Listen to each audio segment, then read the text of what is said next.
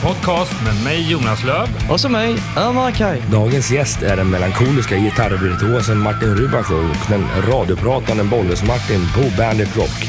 Men rent privat heter han Martin Boman och älskar att fiska och resa jorden runt. Lyssna på hans story här, Rockdus 14. Välkommen till Rockdus 14. Det här är säsongens sista avsnitt och dagens gäst är Martin Boman. Martin fattade tidigt att hans stora intresse är musik.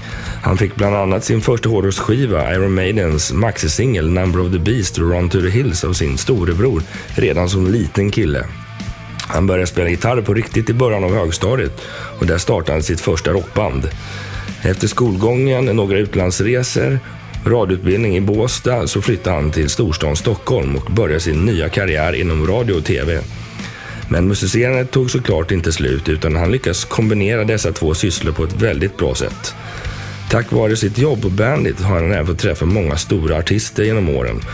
Hör alla hans stories här i Rockdudes 14. Men nu först ska vi prata lite om Rockdudes 14 sponsor som är företaget SE Electronics som tillverkar mikrofoner i världsklass. Vi är så stolta och glada över att vi kan idag presentera att under nästa säsong så kommer vi att spela in alla avsnitt med modellen X1 USB. Vi är såklart superglada att vi har fått eh, äran att ta del av eh, SE Electronics sortiment. SE Electronics har ett 15-årsjubileum i år och eh, under det här året så kommer de att dela ut 15 produkter varje månad ända fram till nyår. Så om du nyligen har köpt en produkt eller tänker köpa en produkt eller dammat av den gamla mikrofonen så glöm inte bort att vara med i deras utlottning via hemsidan selectronics.com. Har du några som helst frågor och funderingar kontakta då din lokala återförsäljare. Rockdus huvudsponsor är J-Leaf IT Media. J-Leaf IT Media är ett bolag som har IT-konsulter med stor kompetens inom Microsoft infrastruktur och meddelandesystem.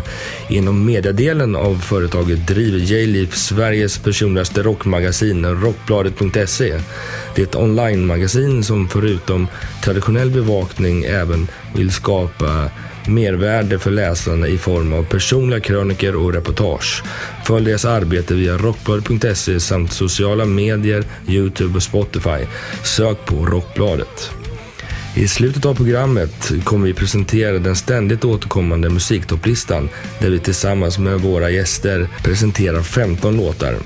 Listan publiceras både på vår Spotify-profil och hemsidan rockdudes.se. Nu har jag pratat så hela halsen blivit hes. Nej, vi går över till intervjun med Martin Boman.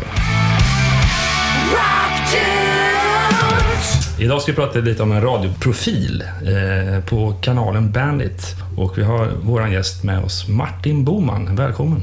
Tack ska ni ha grabbar. Tjena Martin, tjena. Det är näst, nästan lite internt, för han är inte bara radioprat, han är, ligger även på ditt skivbolag. Ja, mm. där ser man. det bara blev så. Uh, jag vet inte varför, men... Fast då under ett helt annat namn. Han har ju ett artistnamn. Ja, det kommer Martin få berätta lite grann ja. senare hur det kom till. Jag har redan glömt bort storyn, men uh, det helt klart värt att lyssna till. Tänkte ändå ta en liten aktuell grej, för den var ganska skruvat här. För två veckor sedan så var ju Foo Fighters spelade på Ullevi. Mm. Och uh, Martin och jag var ju där. Och mm. det var en ganska galen händelse. Ja, det var ju en klassisk grej kan man säga. Ja. Lite grann att I was there. Spar biljetten. Ja, för man hörde ju folk som gick därifrån. För vad som hände var att Dave Grohl eh, ramlade ner från scenen och bröt benet. Mm. Eh, ja, fick hjälp att återställa benet så gott det gick. Kom upp på scenen igen. Mm. Eh, och sen ut från scenen och in på scenen igen. Men det var ju personer som gick därifrån och de fick ju ångra sig djupt efteråt. Ja, jag fattar inte varför man går därifrån. Om man ändå är rädd. Eh, alltså, det, det är klart att en del tyckte att Ja, för de, de sa ju, Taylor Hawkins gick ut och sa att vi, vi, kan, vi kommer inte kunna göra hela giget, vi kommer tillbaka om när vi kan. Och då började folk vallfärda. Det kanske var att folk fick panik av att okej, okay, 52 000 pers går ut från läktaren. Ja, var det lång, lång paus mellan uh, han har trillat och till? Nej, två, två låtar någonting. Sen tredje låten, så mm. de spelade ju inte hela låten. De körde coverlåtar? De körde covers. Vad körde de för covers då? Kommer de körde Faces, uh, Stay With Me, jävla bra låt. Så jag kommer inte, de körde, ja, han kom in under, under, under pressure. pressure Dun, dun, dun, dun, dun, dun. Ja. Men det jag vill veta, var det vänster eller höger foten som Höger. gick åt helvete? Högerfoten. Det hade ni koll på! Jajamän. Vet, man har fått minutiöst och eh, det är sånt uppståndelse runt det här och det var inte bara i Sverige utan att det är i hela världen. Fan. Nu idag, jag, eller nu idag, eller, några dagar senare så gick de ut med att nu har de ställt in resten av Europaturnén beroende på att han ska återställa benet först. Alltså, fatta hur mycket pengar de förlorar på det. Ja, det, Ja, det är en miljonbudget. Ja. Jag fick mest på kvällen från Australien av en kompis där. Såg du Dave ramla från scenen? Ja. Det hade gått över hela världen på några sekunder. ja. Alltså jag såg ju mitt flöde där. Jag var inte på spelningen. Jag bara så en efter en. och Bara, här är klipp, här hände det och det och det. Och sen dagen efter då. Ja men eh, media vill ha bilder för själva eventgrejen, för deras tidningar och allt möjligt. De köpte loss och... Ja, och det, precis. Och det var inte heller helt enkelt för att de är ganska noga med sina kontrakt och sådana saker. Att man inte får sälja vidare hur som helst. Så det var säkert lite Det verkar, hända, det verkar hända en massa konstiga grejer här i Sverige. Det är så här Metallica-dödsfallen, basisten givetvis. Och sen det här med Metallica igen, med inställda spelningen på Globen. Precis, och, och där var jag där också, så jag bara kände att Ja, det, att man ska få vara I was there två gånger.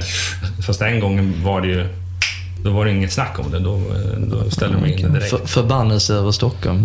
Banden var Ja, men den gången var det i Stockholm och den här gången var det i Göteborg. Mm. Så, Han var lite energisk. Mr Grohl när han sprang omkring där. ja, ja, det var ju mycket så här gåshudsvarning på det. Han satt och spelade väl, vad, två timmar? Han Mm. har trillat ut. Två ord. ja, nästan tre timmar höll det på. Var det bra spelning då, trots Ja, det tycker jag definitivt. Det var det. Absolut. Absolut. Och det, med tanke på att han är så energisk så är det ju det man eh, som lyfter hela konserter oftast i normala fall. Mm. Men även när han satt ner så var det bara högerbenet som var stilla. Resten av kroppen studsade ju som en Mm. gutta på ärkaboll. Hur var Ghost då, förbandet?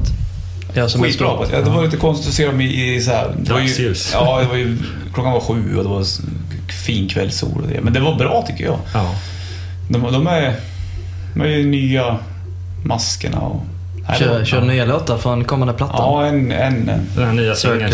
Ja, och öppna med en ny låt också. En spårande låt. Just det, det var, gjorde de. Just det, det gjorde de. Så det var nice. Det missar jag också. Ja. Fan. När ska du få vara med då? Det kommer. Jag springer runt på festivaler och lite andra grejer. Ja. Det är den grejen jag missar tyvärr, men Ja, ja, visst. vi får se. Men eh, Martin, om, vi, om vi backar tillbaka året, eller kanske en 30 år eller vad det nu kan vara för någonting. Vad, eh, hur kom musiken in i ditt liv? Oj, det måste... Oh, alltså jag vet inte riktigt när det började, men jag började, eh, jag började spela, kommer jag ihåg, rätt tidigt. Jag hade en gammal sån här akustisk Levin-gitarr i mitt rum. Och sen så, som var min farsas gitarr som han köpte när han var, när han var ung, som har varit kvar i, i hemmet jämt. Och min storebrorsa Jonne spelar väldigt mycket. Jävligt duktig för övrigt. Så han kom hem en gång och spelade intro till The Number of the Beast med Maiden på akustisk gitarr. Och jag hade inte ens hört låten. Och då var jag så här, spela den igen! Spela igen då! Mm. Så då drog han. Och sen så, eh, dagen efter, så hade han köpt Run to the Hills, Number of the Beast, maxi-vinylen som stod utanför mitt pojkrum. Jaha. Ja, det var så fint. Och då, då var det så här, äh, vi spelar, jag vill också lära mig spela gitarr. Sen så började jag spela gitarr. Jag började faktiskt spela gitarr när jag gick i trean. Det var så här, när jag gick i skolan så, så fick man välja ett instrument. Men då var det att spela Spanien är ett land där man dansar tango. Men du, miss, du hoppade helt över blockflöjten alltså? Nej, det gjorde jag också. Jaha. Men eh, det var liksom inget roligt tyckte jag. Jag ville inte spela några så här mm, Pilota Day-låtar. Nej. Så då hoppade jag av gitarrlektionerna i trean. Sen började jag plocka upp det där sen när jag gick i sjuan, tror jag. Då hade jag lärt mig You're gonna get it med Trans Dance. och sen så började vi bilda ett band där. Och så- Jag lyssnade väldigt mycket på musik när jag var ung. Eh, Första gången jag hörde Parasite med Guns N' Roses var jag helt toksåld. Och ville bara lyssna på Guns N' Roses. Och då fanns det ju bara en skiva. Så, så man kan säga lite att det var din bror som tog in dig. Ja, eh, absolut. Är han bet- bättre gitarrspelare än dig, eller? Alltså han är mer liksom såhär låt... Ja, han är väldigt... Eller ja, vi är nog duktiga på olika sätt. Han är mer... eh, Han är såhär Paul McCartney-tänkande när det kommer till så harmonier och grejer som inte jag riktigt har. Men jag kan nog... Skaror och grejer, det är inte hans starka sida kanske. Men han är, han är, han är grym faktiskt på att sjunga och spela. Musikaliskt bra faktiskt. Jag hade funderat på att starta band då. Äh, vi har spelat ihop några gånger faktiskt. Eh, mer på skoj. Och det är ju ganska roligt det, faktiskt. Men vi har inte snackat om att göra någon... Han är med, han har med och sjungit på någon låt någon gång och sådana saker. Jag har bästa artisten, The Boomans. Ja. Det låter. Dansband The Boomans. Snyggt. Det kan du luta dig tillbaka på om din andra karriär skulle gå Ja, precis. Jag signar det, jag släpper det på bolaget. Ja, ja. Glitter och glamour. Du kan skriva om det Jonas. Ja! Vi startar Dansbandsbladet istället för Mm. Rockbladet. ja, hur fortsatte du sen då med första bandet? Ja, då började vi när vi gick i, undrar om vi gick i sjuan då. Det var jag och så var det några polare från Bollnäs. Bland annat Niklas, en av mina äldsta vänner, som vi, vi skulle starta ett band. Och då var det, när jag gick i sjuan så fanns det uppehållsrum. Så fanns det någon... Eh, det, var, det var en del vuxna, de, de var runt 18 säkert då, som jobbade på skolan. Någon skötte musiken, någon skötte det. Då var det en kille som hette Anders som, som lärde oss lite grann eh, om hur man skulle göra en låt och grejer. Så startade vi ett band då och spelade in en demo med en låt. Som heter White Death, heter låten. Jävla bra. Hur lät den då? Ja, jag, jag kommer ihåg intro. Det var det första egna grejen jag gjorde på gitarr. En liten melodi. Sen så gjorde vi en låt av den. Så åkte vi till Söderhamn och spelade in den. Och sen så fick man den på demo. Det var så jävla häftigt. Och sen så började vi ju ha band då, sjuan och sen så var jag med i en sån här rockgrej i Bollnäs. Och med, du vet, det var ju hårdrocksmäckare. Morgana Le Fay, Thelma Rose, alla de här höll på. Och sen så, de var ju tio år äldre än oss.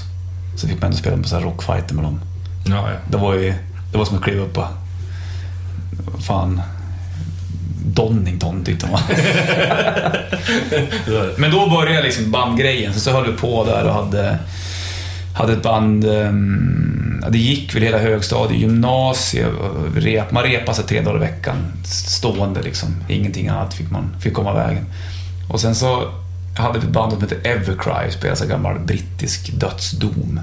Typ Var det första bandet som du startade? Ja, det var väl det. det var, tidigare när vi gick på högstadiet hette vi Disgrace, kommer jag ihåg. Sen så var vi så jävla insnöade på den här My Dying Bride, tidiga Anathema, Paradise Lost-stuket där. Så vi lät lite grann så. Eh, och, och, men vi, vi, vi, vi var så jävla liksom, vi repade stenhårt och höll på och vi gjorde demon som var rätt snygga liksom. Och då fick vi kontakt med Century Media, faktiskt, skivbolaget. Eh, jag tror det var 96 någonting. På en demo vi gjorde. En CD-demo hade vi tryckt upp då. Så då kontaktade de oss och sa att ja, ni får en deal liksom. Så då släppte vi en skiva, det var nog 99 tror jag, med, med Ever... Nej, då hade vi bytt namn precis till Marble Arch. ja, just det. Och då stack vi till Finland och spelade in en platta under en månadsperiod i Astia Studio med en kille som heter Anse Kippo som hade gjort en Twine, Children of Bodom och massa sådana saker. Det var ju skithäftigt att få hänga en stor studio. Ja, det måste en... Ja, det var, det var maxat. Så hade vi en, eh, en tjej med från ett finskt band som heter Lalla Cry som var med och sjöng på våra låtar. Och. Så då hade man en, ja, då, då var vi signade på Central Media. Det var ju riktigt coolt, för det var ju liksom, de hade ju The Gathering och Tiamat och allt det här. Men sen så började vi liksom, för vi var så här, någon, sorts goth-rockband då. Så vi skulle åka ut på turné med, fan var det Lacuna Coil och Eh, vad var det mer? Jag tror att Pain skulle med och greja. Sen så sket det så här precis i sista stund. Jag vet inte vad det var som... Varför? Sket sig hela turnén? Ja, eller det för oss. De- Jag tror att det var att, att vi skulle betala. Och- Eller att Century Media skulle någon sorts, på något sätt subventionera det där, men de tyckte väl kanske inte att det fanns pengar. då. Men det var jäkligt bra respons på vår platta från liksom hela... Alla distributörer var så det här kommer bli skitbra det. Och sen så skulle vi göra en till, men då började vi flumma till oss. Och så tyckte Century Media att det här går ju inte. Så du måste, hålla, måste hålla er till en sak. Ja, precis. Men det var, det var en kul tid. Sen så började vi repa i Göteborg, folk flyttade dit. Jag pluggade radio nere i, i Båstad. Eh, ena killen flyttade till eh, Osby i Skåne. Så vi repade väl fortfarande ganska hårt i Göteborg och höll på. Men sen så började det liksom rinna ut. Jag flyttade upp Stockholm och sen så... mm, Svårt att få ihop det. Ja, det var lite så, så faktiskt. Men det är ju så här, är man ett band som hållit på... Alltså vi har ju spelat tillsammans, vi spelade tillsammans sedan vi var 14 år i stort sett. Och sen så, så har man bott över Bollnäs, sen så börjar folk rent av naturen så flyttar man ut därifrån. Ja. Då blir det till slut svårt att hålla ihop. Och då fanns inte det så att, "Hej, du jag skickar en fil, jag spelar en låt liksom. Nej. Utan då var det liksom, var innan iPhone-tiden. Ja, idag kan ju folk sitta via Skype Ja, ja, herregud, och i precis, princip exakt. repa. Så. Men sen så kom jag till Stockholm och sen så ville jag ju fortfarande spela och då, ja, då, då, hade jag, då drog jag igång med en, en trio med två grabbar uppifrån. Och sen så sket det sig och sen så träffade jag Henke som eh, jag spelar fortfarande med då, i en trummis som jag hade träffat för länge sedan. Vi var uppe på en festival som heter Facefront uppe i Piteå. Så hade han och band, så träffades vi i Stockholm. Mm. Och då sa han att jag vill spela och jag sa att ja men då är du med så fixar vi. Då startade vi upp Libra. Då fick jag igång den musikgrejen. För då, innan det hade jag bara suttit hemma i soffan och så här, skruvat, fan göra en akustisk skiva någon gång. Och sen så började det bara rulla på. Precis, för Libra blev, var väl betydligt mer så kallat flummigare. Ja. Eh, eh, ja, helt annan inspirationskälla helt enkelt än vad de tidigare med. Ja, absolut. Det var ju, och det var också sen någon sorts befrielse för att vara tre i ett band. Att man får liksom luft mellan varandra. Och då var jag lite grann så här, jag, gjorde, jag skrev allting till Libra i början och det var skönt att få stå själv lite grann tyckte jag. För att eh, Alltså som band, om man är fem pers, speciellt om du är från tonåren till att börja bli vuxen. Det är som tre låtskrivare, det är liksom, vilket jag absolut kan tycka är bra, men det, jag kände bara att fan, jag vill göra någonting eget liksom.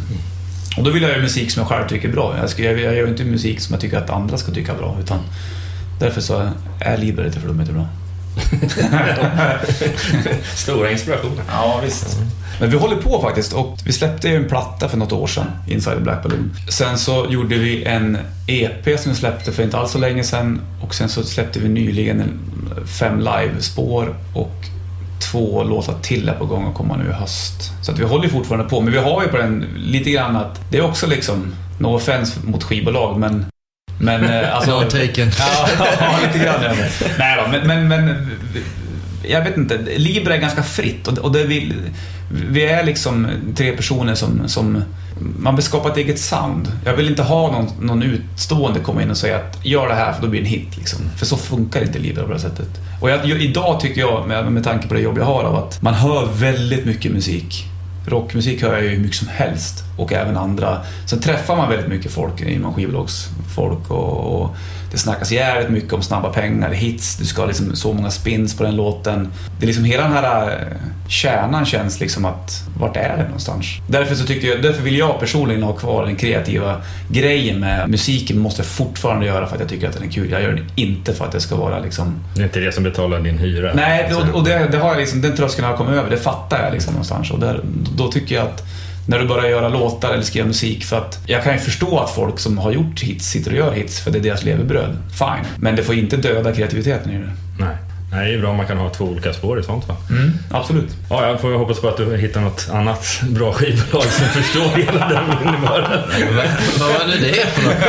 Jag tycker Martin och jag har en ganska bra samarbete. Ja, det har vi. Det, alltså när det kommer till Rubashov så är det ju en helt annan femma faktiskt. Ja, för där, eh, med Rubashov-grejen är ju, det är också så befriat. För, för där har jag också liksom eh, gjort min grej. Eh, den startade med att jag satt liksom och, och gjorde en massa akustiska grejer. Sen var det ju Ronny, vår eh, gemensamma polare, som tyckte att det här måste du göra. För du, du gjorde det på svenska. Jag tonsatte de svenska dikter. För det var, det var så nytt för mig, jag hade aldrig gjort det. Men sen så när, vi, när, när Ömer hörde av sig också, då kände jag att det, det är perfekt. Liksom. Det är skönt att vara... För det tycker jag är bra med mindre bolag också, lite indie. Att där har du en direkt kontakt.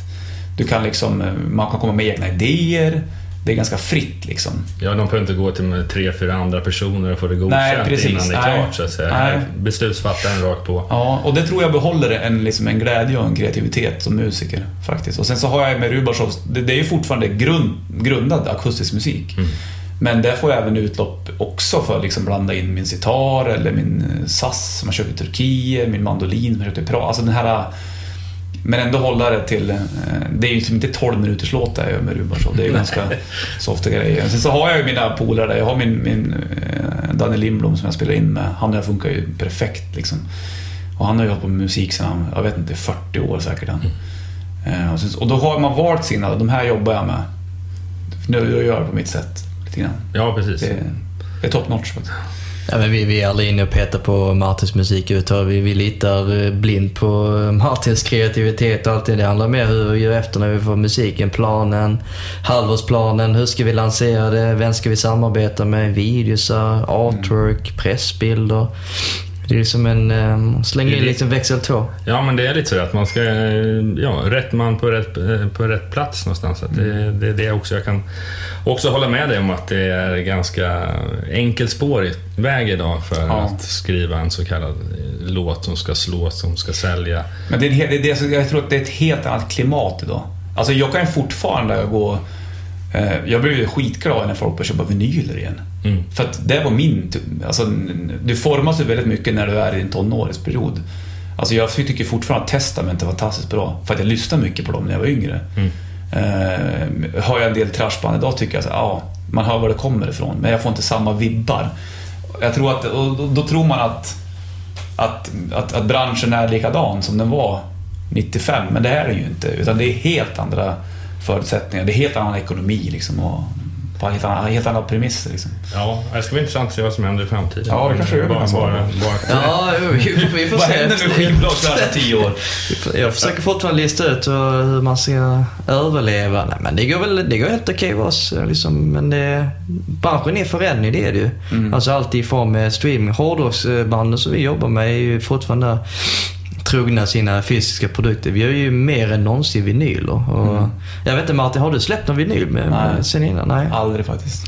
Det kommer en vinyl i höst, har vi redan bestämt idag faktiskt. Ja, så det att, uh, det blivit en häftig vinylutgåva av Martins kommande album.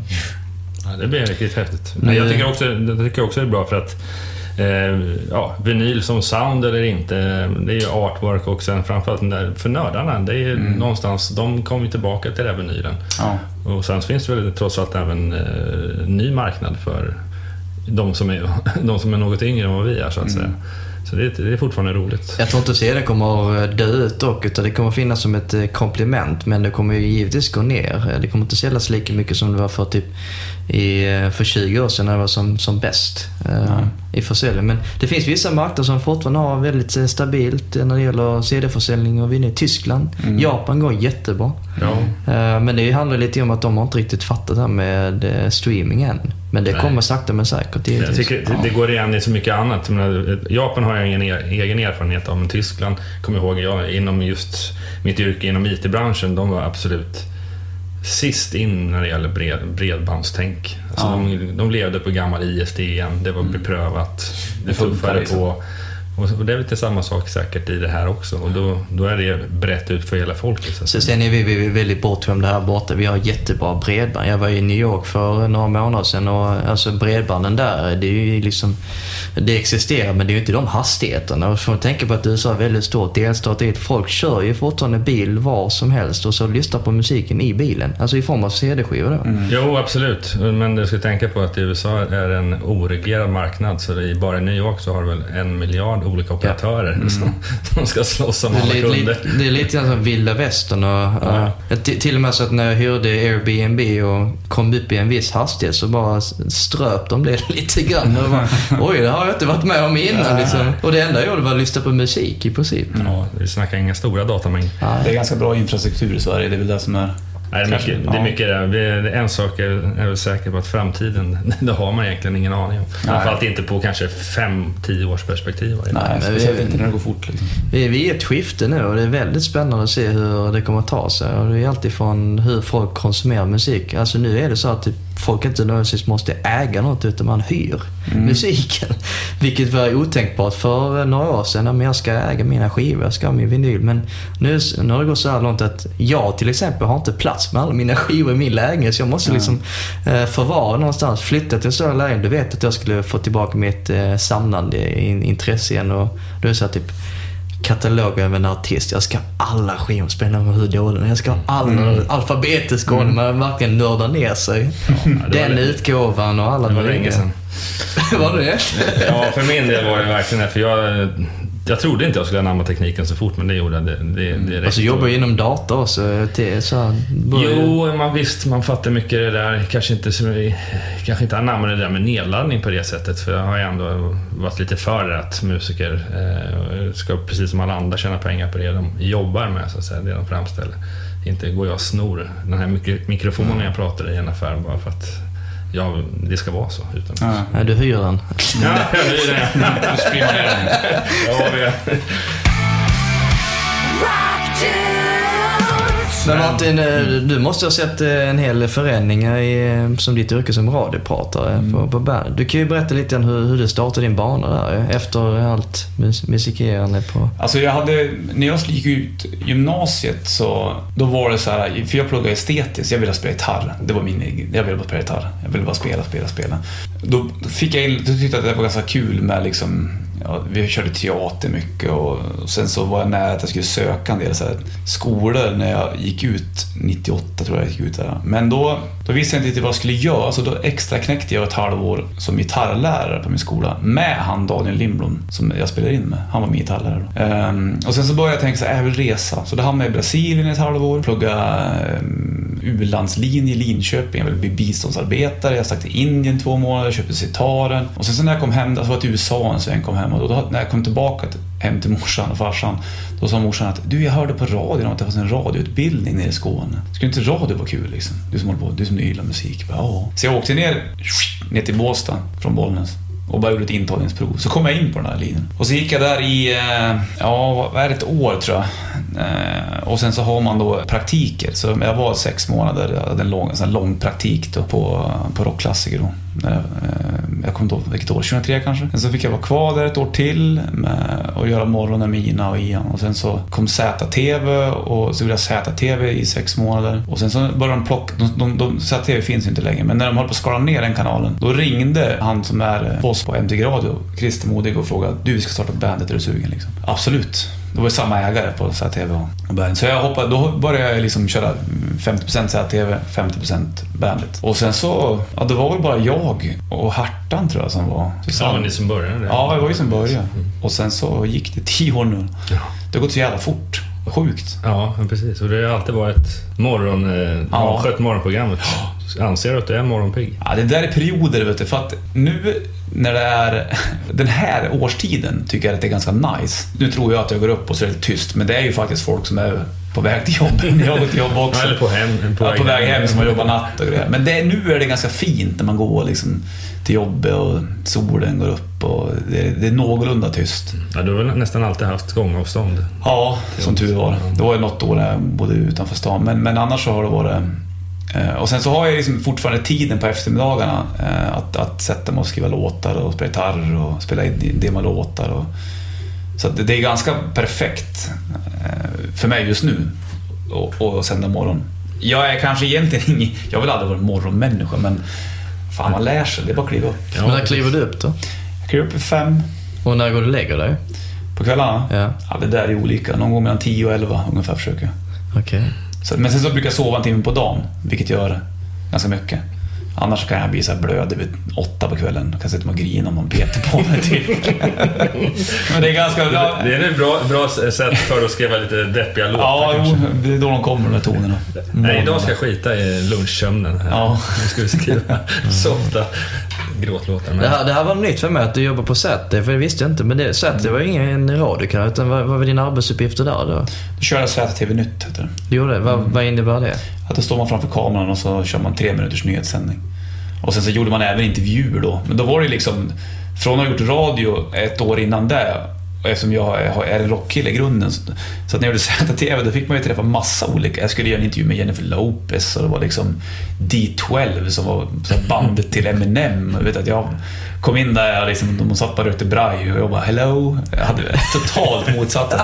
Men, men det är ganska bra för man, man får ändå, då, för då var jag så pass ny i liksom hela intervjusystemet så att jag tror att det var ändå ganska viktigt att, att, att kunna prata med folk som, som... För när jag har gjort bandet så länge så har man ju träffat så mycket folk som man har träffat igen och igen och igen. Så till slut så har man lärt känna massa folk. Men det är även kul att träffa människor som är från ett, i ett annat rum så att säga. Så att man får liksom... Det har blivit annan kultur. Ja, det är en annan... Precis. Och, Rockers är ändå rockers någonstans. Ja, precis. Och hiphopare röker braj och Ja, och skådisar precis. och Alla och- röker iväg. Vilka fördomar du har. Nej, men det, det, det, var ju, det, det var ju rätt roligt, så att säga, TV var kul liksom. Men det var ju helt andra grejer. TV är ju en helt annan grej. Sen så gjorde jag ju TV6-programmet där Never Ever Try This At Home och då... Det är också så här, om man om jämför radio med TV. Radio, nu gör vi ju alltså live-radio fyra timmar varje morgon, varje dag, måndag, fredag. Allting kan ju hända där. När du gör TV så, så vet du, det tar en hel dag under må, minst en månads tid. Det kan hålla på två, tre, fyra, fem, sex månader. Och göra TV. Det tar sån jävla tid och sen så är det liksom Man ska sätta sig och vänta, man ska rigga. Sen så, då ska du vara med. Nu ska du köra. Nej, vi gör om. Jaha, sätta sig och vänta. Hålla på, trilskas. Så under den tiden jag gjorde TV så då, då, då lärde jag mig nog mer att uppskatta radio ännu mer faktiskt. Hur var det att vara programledare för sitt eget, eget TV-program på sexan då? Ja, det var, jag tyckte det var så roligt faktiskt. För det, folk som inte känner till det, hur, Mm. vad går det ut på? Alltså det var ju det här, alltså det var ett så här, pojkdrömsprogram. Att man skulle göra saker du inte ska göra i ett hem. Vad händer om du byter ut varmvatten i varmvattenberedaren till kaffe? Liksom? Kan du få kaffe i kran? Ja, det kunde du tydligen få. Vi, liksom, vi spelade golf och inomhus och spelade hockey nu. All- Allt sånt här. Ja, Pippi visst. Långstrump red red på en häst, kan man göra det inomhus? Ja, vi testade det. Liksom. Det var mycket sådana saker. Men hur kommer ni på de här grejerna? Alltså, Nej, det var ju ett program där som, som från början var norskt och sen så, som så mycket annat med TV så är det mycket inköpt liksom, idéer. Så att det var ju egentligen att vara, det var jag och en tjej som hette Lena som var programledare som skulle testa massa grejer. Det var ju jävligt roligt faktiskt. Men det var väl lyckat det för mig, för det var Ja. väldigt mycket reklam runt omkring. Ja, det var det. Det, det, det var kul. Det var, folk snackar även idag om det liksom. Vad- Vilket var det roligaste då? Vilket var det? Att göra? Ja. Spela hockey inomhus med skridskor på parkettgolv, det var underbart.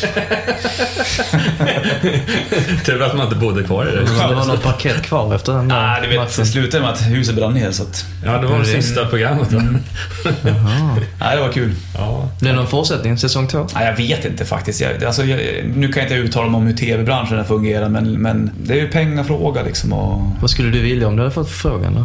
och göra samma sak. Ja, säsong två där. Ja, kanske. Men jag skulle nog gärna göra någonting med musik vid TV. Det tycker jag nog faktiskt behövs. Lite grann det faktiskt Dave Grohl gjorde med Sonic Highways. Det hade jag tänkt lite grann att det vore coolt att åka runt världen och spela in en platta med massa olika liksom, musiker, åka till Marrakesh, bjuda in lite folk och de får med på- den här låten och sen så åker man till Asien och så. Hur, hur låter världen tillsammans på, på en skiva? På HBO dessutom. De, Ja, då hade det varit Moito de Neiros. Ja, Men, men, men de gick ut här i samband med konserten att det kommer ut en säsong två av, eh, av den här Sonic Highways, vet jag inte om det kommer heta. av men då ska de väl göra världen va? Mm. I Europa är jag för mig de skulle ta sig istället. Ja. Ja, i Europa, men det är väl då resten av världen förmodligen. Ja. Men det är ingen dum idé. Du gillar ju att samla på dig instrument. Du kan ju gå Ja. till de här lite udda ställen och det behöver inte vara värsta HBO-produktionen. Nej, för fan. Vi kan ju säkert titta på något kul, göra något backstage. Ja, men vi skickar över eh, Martin till Rumänien och så får han hitta Afrika runt. en, en, en råtta och göra ett instrument av det. Eller? Ja, nej, men det finns skitmycket att göra med det där. Alltså, och jag tror inte att... Alltså nu är HBO jävligt bra på att göra saker när de gör sina serier och alltihopa, men jag, jag tror att... Alltså om du kollar på klipp, folk kollar på klipp idag mycket. Mm. Alltså um, YouTube och alltihopa. Och då är det, allting är ju inte så jävla dunderproducerat. Det skiter de kidsen i. Bara att det är intressant. Det är det viktigaste Och liksom. det ska vara intressant ganska direkt också. Ja, Att det måste, precis. du måste fånga tittaren på direkt. Och det är som du säger, det hörde någon föreläsning för inte alls länge sedan om just det här med att eh, snart är det dags för, precis som musikbranschen har gått igenom en förändring, Mm. så kommer hela TV och hela den visuella branschen gå igenom en jätteförändring när Ja. man anammar YouTube och liknande media på, Ja. som en distribution av, Ja, det är sant. av rörlig bild. Så att säga. Så det, då finns det ju möjlighet för alla. Nej, men det är lite on, on demand. Folk Mm. sitter inte i specifika tider nu och följer sitt program utan ja, men, går in på SVT Play eller TV4 eller något liknande. Till och med Bandet har ju också sån här Mm. online radio man kan lyssna eller efterhand om man missade ett program kan man gå in igen och lyssna Ja, på. det är väldigt mycket så. Det är väldigt mycket att folk som bestämmer själv när de ska, generellt när det kommer till radio, TV, musik eller vad som helst. Alla sitter kanske inte sju på morgonen och lyssnar på morgonshow med Bandet. Inget är illa med det, men jag är ingen morgonperson. Jag sitter inte och Nej. lyssnar på radio sju på morgonen. Jag ligger och sover i min säng. Ja, för min del så har det varit, inte för att man kanske lyssnar från 6 till 10, men det som man litar på även att man kanske har numera då när det är väldigt mycket podcast och som vi sitter här idag, så, eh, så vet man att slår man på radion mellan 6 och 10 då vet man vilket program det är och vilken Ja. typ av program det, det blir. Så att jag, tror tror att det där- fin, det kommer fortfarande finnas kvar, fast Ja. kanske på lite annat sätt. Jag tror att det är finessen med, med, med radio och som jag tycker är finess med morgonradio. Att du har en liksom, ibland kan man gå upp vissa morgnar och tänka att jag orkar inte prata, jag vill inte säga ett skit, eller man mår inget bra eller vad det nu kan vara. Men eh, det får man någon sorts, man, man trycker på en knapp i sig själv och sen så gör man det och man får alltså feedback direkt av folk. Eller folk har en som en polare liksom. Och, och folk reser alltså även om du inte är morgonmänniska, men folk måste jobba. Folk åker till jobbet, hur de än åker. Och ibland så vill man liksom vakna och så vill man lyssna på någon som pratar till dig berätta vad klockan är, vad som har hänt i världen. Liksom. Radions konkurrens är väl mycket Spotify, men där har du inte den liksom, direktheten. Du kan inte liksom ringa in till Spotify och säga önska en låt, eller du kan inte liksom, eh, få en diskussion liksom, som du har med radiogrejen. Spotify och liknande tjänster behöver väl jobba mer på det tror jag, med att eh, ha experter. Men Mm. ni som sitter i radio är ju experter på det som ni... Ni vet lite vad vi vill Ja. eh, lyssna på helt enkelt. Så Ja. att det, det är lite det det handlar om. Så. Men era konkurrenter är inte rockklassiker längre utan känns det surt att de tappar? Eller de startar er största konkurrent är rockklassiker eller inom samma segment kanske men känns ändå lite lustigt att du börjar där och sen startar Ja, eh, fast, men du vet alltså att alltså, TV och radio i Sverige, det är en liten bransch. Liksom. Alla har varit på alla ställen, alla känner alla. Fan, kollar du liksom kändisvärlden i lilla klick-Sverige, det är, liksom, det, är, det är samma folk på röda mattan. Liksom, och alla mm, slagartister schlagerartister tävlar om att få, få för det är det enda, enda liksom, spelrummet de har att synas i. Eller, det, det är det som är så tråkigt tycker jag med musik i Sverige. lite grann. Att det finns liksom, så ska det låta, det är eh, Idol och det är eh, Så mycket bättre. så mycket bättre och slagen liksom. Det är de fyra, fem Arenorna. som finns och alla tävlar om samma plats liksom. Men det, sen så finns det ju ett gäng folk som vill ha någonting annat. Det är de du måste liksom Ja, göra jag med när du började på Rockklassiker så var det väl Ian och Ina som var där och Ina är väl Ja, hon är min det. chef nu på Ja. bandet så det är liksom... Det går Ja, det är det. Oj, vad lustigt. Ja, visst. Det är, det är fint. Cirkeln sluts. Japp. Bollnäs. Alltså du, du är ju den, mig veterligen den mest kändaste personen som kommer från Bollnäs och förmodligen satt de eh, Bollnäs på kartan lite grann. Hur, eh, du har ju ett smeknamn givetvis, Bollnäs Martin. Var, var kommer det ifrån? Vem var det som kom på det? Det först? var när jag, när jag först kom upp på MTG Radio, när jag satt med, med chefen där, Christer, så, så sa han du är från Bollnäs? Ja, Bollnäs Martin, det är perfekt liksom. Jag bara, ja, det funkar väl. Eh, jag kanske inte tycker att Bollnäs är världens bästa stad. Det, det finns mycket skit där uppe. Men, men jag, nu är jag ju, jag gillar ju Hälsingland och skogen och alltihop. Men sen så har det blivit liksom bara blivit en grej liksom. Jag, jag tänker inte på det längre. Jag tror inte att folk bryr sig om det längre. Det är ju folk som står på hejar dig och med “Tjena Bollnäs Martin”. När jag kommer hem eller? Nej, nej men överlag Ja, här i jo, det, det, det, det händer ibland. Alltså, en- om jag rör mig i det forumet där, där det finns de människorna som lyssnar på radio, eller är det den, så, så, så händer det att det, man får knäppa kort och grejer. Alltså nu är radio ganska anonymt med om du jämför mot för TV. Du blir inte känd hos gemene man. Eh, om du inte gör någon så riktigt stor kommersiell kanal. Eh, som Riks kanske då, till exempel. Men det händer, absolut. Kan du vara anonym då? Är det så att du kan ta tunnelbanan? Ja, ja. Påhoppare? Ja, herregud. Men, men det, det har ju också hänt att man liksom, för att i Sverige, så ibland, så- speciellt när vi åkte hem från Foo Fighters till exempel, så åkte ju jag och Richie eh, och eh, två grabbar till i samma bil och då var vi stanna och käka på ett, på ett ställe och då var det direkt en kille som kom fram, eller hans pappa kom fram och frågade, kan min grabb få ta en bild med er?" liksom. Självklart. Det är ju bara kul liksom. Det, det är ju inte så Nej, problematiskt. lagom mycket så... Ja, sen så kan det vara ibland när man åker tunnel, någon gång när jag åkte tunnelbana så var det, så jag snackade i telefon och sen så morgonen efter så kom ett mejl bara, var det dig jag hörde på tunnelbanan? Jag kände igen din röst. Jag visste Ja, inte att, det var du, att du såg ut sådär liksom. Okej. Det är så här identiteten sitter liksom. Försöker, försöker du vara lite inkognito, alltså odla skägg som du har nu då? Nej. Fan, jag klipper håret varannat år, jag odlar skägg varannat år. kan ju se han är uppåtstående frisyr ena Ja, dagen, visst, det går upp och ner. Ja, men jag, jag kommer ihåg med vissa artister som jag har jobbat med. Titi som jag jobbade med för några år sedan. Hon, hon åkte aldrig tunnelbana. Det gick Nej. inte. Hon åkte taxi överallt. Så. här. Alltså då var det verkligen besvärande. Och nu när hon varit med i TV, när, vad heter det programmet, Torskade Så mycket bättre. Så mycket bättre är ju ännu värre liksom. Så att, eh, jag förstår det här med att man blir känd på stan. Och framförallt om man jobbar inom eh, radio och TV så är det kanske lite bökigt att ta sig lite här och varstans. Ja.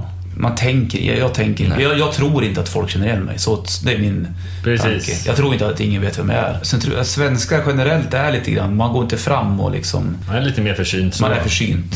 Jag tror det beror helt på vilka forum man går. Går Ja, man på så här eh, bandit-anknytning, givetvis så känner man igen det. Men om man går på så här eh, hårdrocksspelningar, det är klart man känner igen det för att man lyssnar på den radiokanalen inom Mm. deras forum. Men jag kommer ihåg när vi var på Dovas för något år sedan och jag tog med det vi skulle dricka öl. Det var ingen jävel som kände igen Nej, nej, men då är det en helt annan grej liksom. Jag bara, vilken person som helst. Ja, vi drack vår fulöl, karo, hade jättetrevligt, pratade lite om musik. Så alltså, ingen reagerade någonting. Nej. Men det är väl skillnad på om man kanske är i, vad vet jag, känd i popbranschen eller Ja. just när man är lite mera, ut- ja, man syns i betydligt fler medier. Men när rock är ganska smalt trots allt, även att vi alla tre här eh, ja, verkar inom den branschen så känner vi till allt och alla. Men de utanför. Eh, det är inte lika stor skara som kanske Nej. Jonas och jag är ju inte kända, men inom vårt fält. Alltså, jag har ju, jag, har- det har hänt mig ganska många gånger när jag varit ute på spelningar att eh, framförallt band kommer fram. Hej, du, du jobbar ju på det här bolaget. Ja, jag. Ja, men här är min demo. Jag, jag mejlar dig. Jag vill jättegärna komma i kontakt med. Det händer faktiskt eh, mer än ofta. Det är lite kul. Vilket är ovanligt. Jag blir alltid förvånad. Och oftast vågar de inte komma fram. De sitter och iakttar lite grann på distans och sen får de i sig någon öl och så kommer de fram och då blir det så att det, jag, jag tackar alltid givetvis eh, för, för samtalet och lyssnar på musiken. Men sen alla gånger vet de inte om man ska jobba med det. Men Nej, så kan jag vara vänlig. Nej, precis. Men det är just det. Man ska aldrig stänga några dörrar.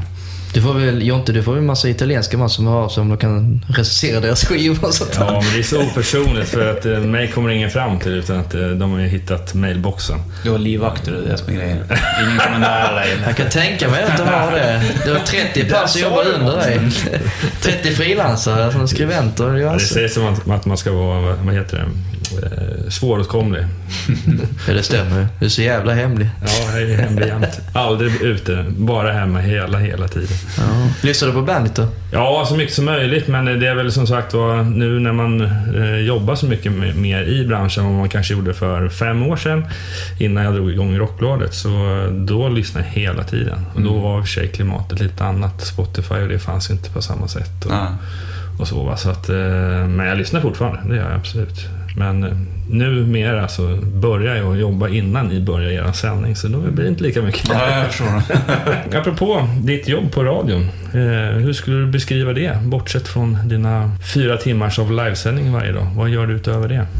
Ja, alltså det- är väl det som är hu- huvudfokus. Men sen så är det ju även, alltså det är, det är mer. Folk tror att man går hem klockan tio, det gör man inte riktigt. Men det är möten, det ska planeras saker och liksom ehm, man lyssnar igenom vissa program, eh, vissa punkter man har tagit upp. Funkar det här, funkar inte det här? Man lägger upp en del program, man sitter mycket klipp, en del saker. Alltså det är mycket play-funktion också. Gör man en intervju med ett stort band, ja, men då måste man se till att den ligger ute så folk kan få höra den. Liksom. Eh, för det, som säger, en del vill höra i efterhand, eller vill höra flera gånger kanske, om det är favoriter som är där. Liksom. precis. Mycket förarbete och efterarbete helt enkelt va? Ja, det är det ju. Alltså allt, all förarbete gör jag dagen innan i stort sett. Efterarbetet är ju mest att titta tillbaka, funkar det, funkar det inte? Eller, eller eh, lägga upp och klippa och grejer. Kommer en artist som man inte har träffat förut och, och, så kanske man borde bara ha lite kött på benen då, så man vet vad det handlar om. Liksom. Men eh, annars är det mycket nu, alltså, nu har det gått så många år så nu känns det som att jag behöver inte komma med ett frågeformulär utan det är mer att man... eh, Skaffa en känsla med Ja, precis. Om hur personen Vad du egentligen vill göra. För att när man lyssnar på ert program och säkert en del andra radioprogram så är det ju intervjuformen där skiljer sig ju väldigt mycket från kanske en traditionell intervju. Ja, precis. Ja, det är sällan det är tio frågor på papper, liksom, utan det är mer... Speciellt om det, om det är folk som har varit där förut. Är det infall oftast på för att eh, det är lite beroende på var ni börjar prata? Ja. Ja, det är ju jättemycket infall. Alltså, det, det, det tror jag är ganska viktigt när man gör en intervju, att man ibland... Eller det är skitviktigt att lyssna på vad personen säger. En del har sin fråga och sen så skiter de vad, vad intervjuoffret säger. Sen så, okej, då var det klart att gå vidare. Då, då har du pajat alltihopa. För det är oftast de här sidogrejerna som är roliga. Det är inte svaret på frågan, utan det är liksom vad kan hända sen. Det är Ja, det man- som är viktigt. Framförallt idag med internet. Det är skillnad förut om man prenumererar på en tidning och det var kanske din enda källa till information. Ja, då är det en sak, då kan man ju ha samma grejer hela tiden. Det är roligare att lyssna på om det kommer någonting helt oväntat. Mm. Ja, för då blir det en mer spontan reaktion från, mm, från mig och från, från den som, som pratar kanske. Att han vågar öppna upp sig eller liksom vågar säga någonting som kanske inte sagts förut. Eller någonting. Och då kan man gå vidare därifrån på nästa grej. Det kan handla om att, att eh, Slash tycker det är kul att fiska.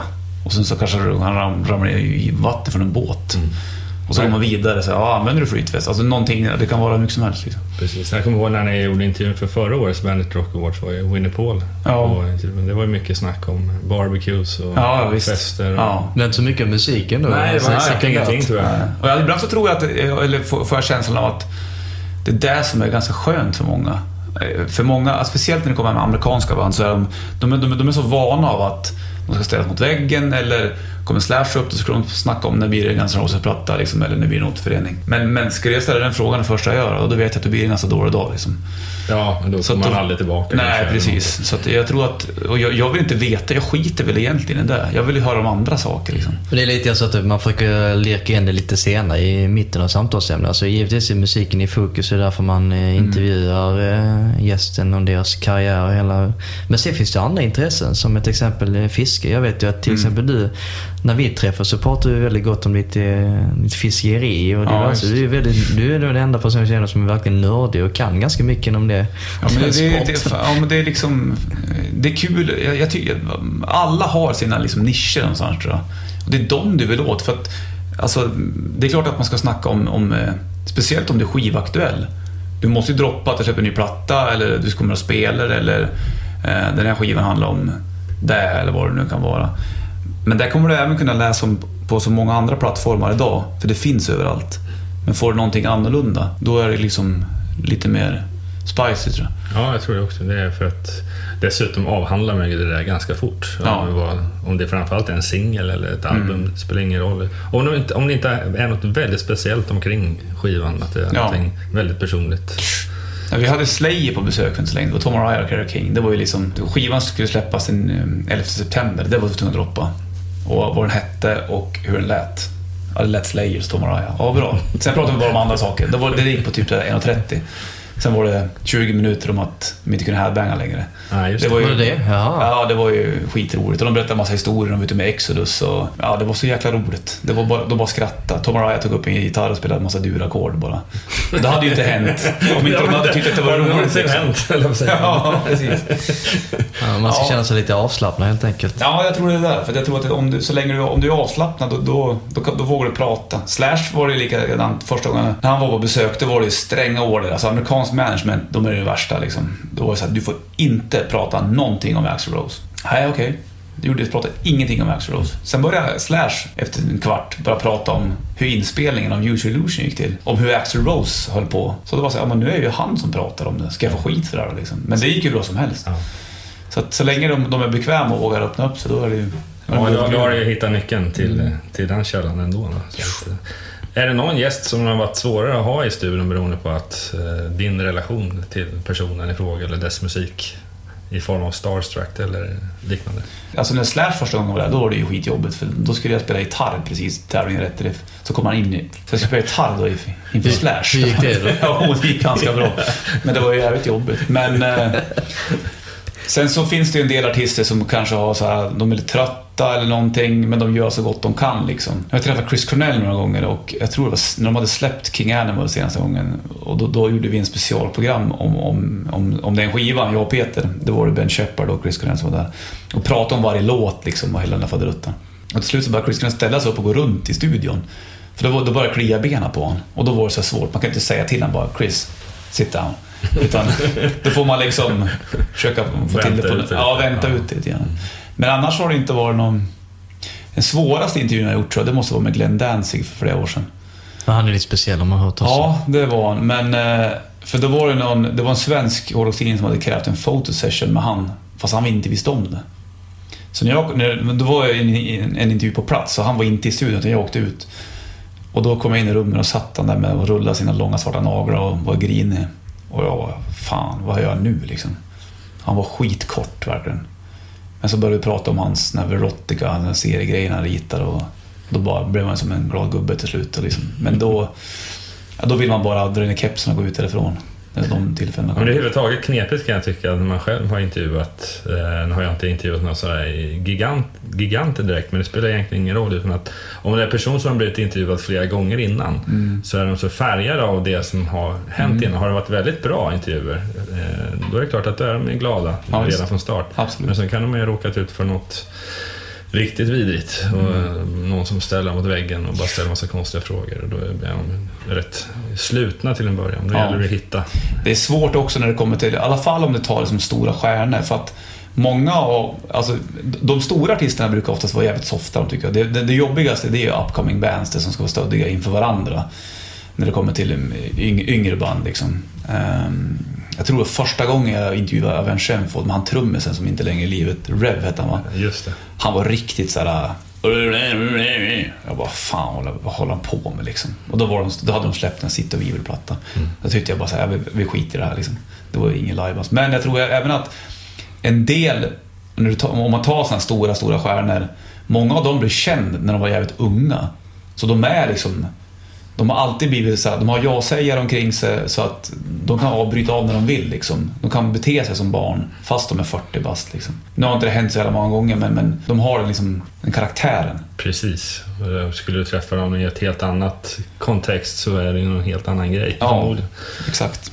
Finns det någon eh, gäst som du inte hunnit, eh, eller som du skulle intervjua men inte gjort än?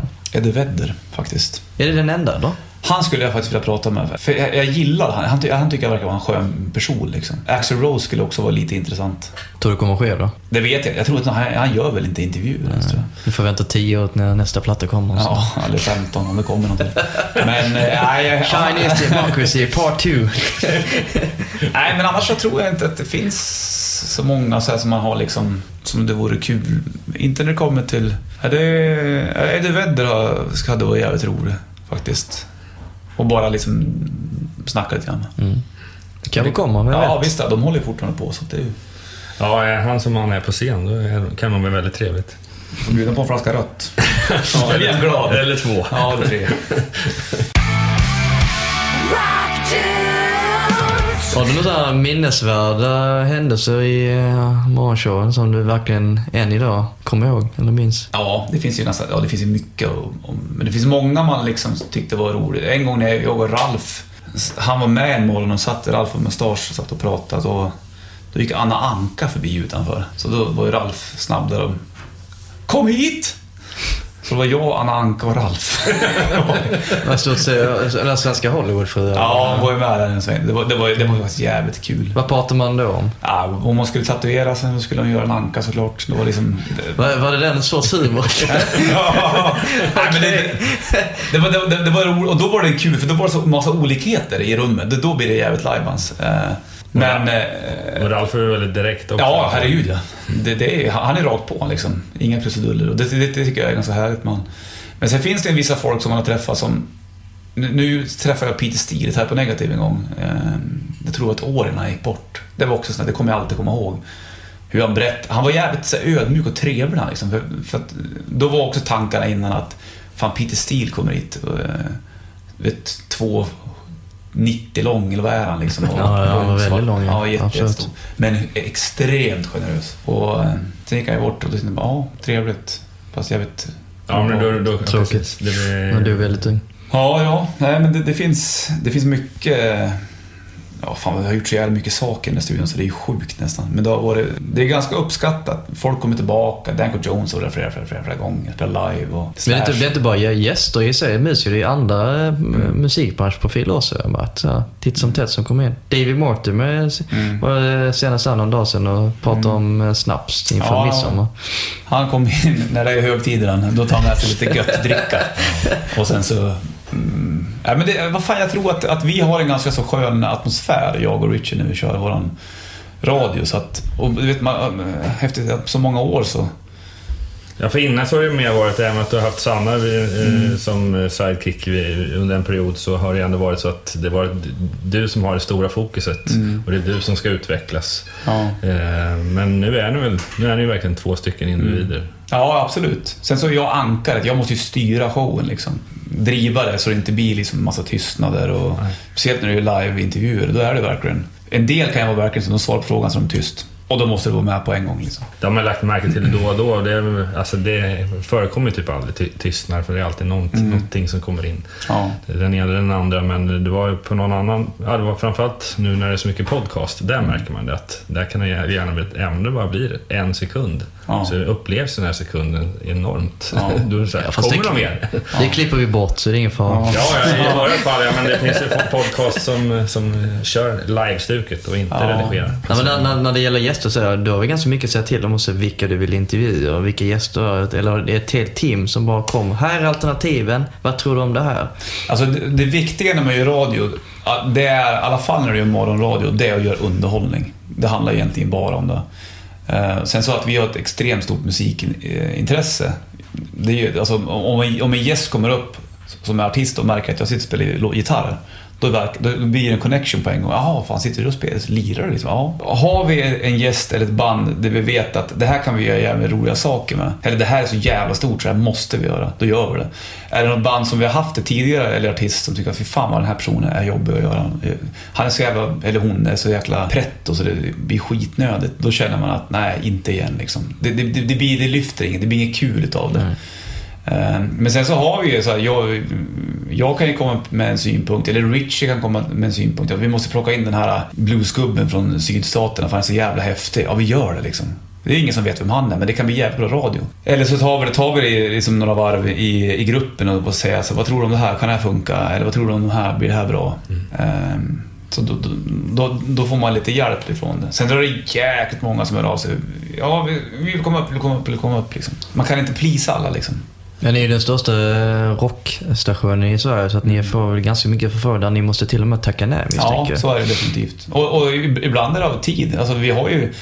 Vi bokar upp en del saker och en del saker kan vi inte göra direkt på plats. Men då kanske man kan göra det efter sändning, spela in in en intervju liksom, eller klippa upp den. Eller lägga upp den på Bandet Play då, liksom, för, att, för att plisa de som vill höra den. Liksom. Nej, men det, det är svårt att liksom få in allting. Det går inte. Det går inte att plisa alla när, när du kommer till en kommersiell radiostation. Eller om du ens är en, liksom en nischad dödsmetallkanal. Ja, men varför spelar du inte de här banden då? Liksom? Nej, men ja, jag vet inte. Jag kan inte, hinner inte, funkar inte liksom.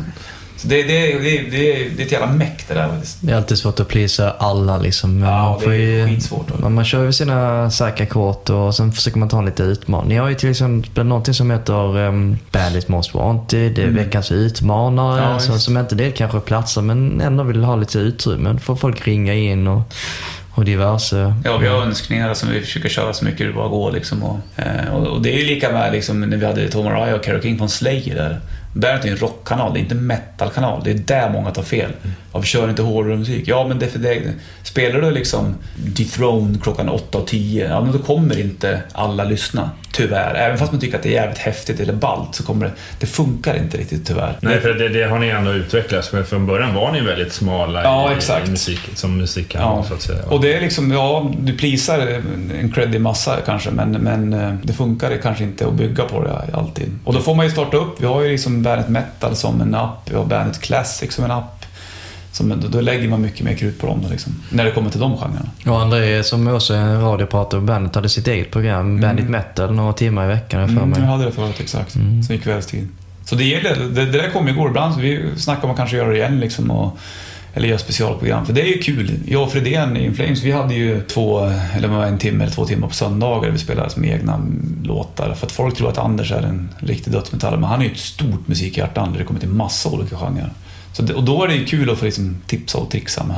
Är det så du har lärt känna honom via Bandit så? Via jobb? Ja, alltså jag och Anders träffade, ja, det var väl i början med, med lite intervjuer. Sen så upptäckte du att vi, vi tyckte ju om ganska mycket lika musik. Och sen så funkar det ju kemimässigt bra. Tio år senare så lyckades du lägga dit lite vocals på Ja. en av hans låtar. Ja, ja det var kul. Om någon sa det för tio år sedan, du, du ska vara med på en Inflames-platta. Nej, nej, kom igen. Precis. Bara sitta med i denna anrika Nej, men det- nere i Berlin. Det var Ja, väl inte planerat heller, det bara blev så. det var blev så. Det var jag nere i Tyskland, eh, i Berlin. Anders skrev till mig och sa du måste ju komma ner liksom, vid Hansa Studios. Och det är ju, för de som inte har pejl, det är ju skit anrik studio. Jätte Bowie och, och fan Iggy Pop och Depeche och alla spelade in där. Så då var jag nere en helg och sen så mm, låg jag på en soffa där och låg och tittade på när Anders gjorde Laila sång på Siren Charms-plattan. Och då sa Anders, nu får du sjunga. Jaha. Och Daniel Bergstrand som också spelade in sången och producerade den. Så jag fick ställa mig där efter en dyr konjak.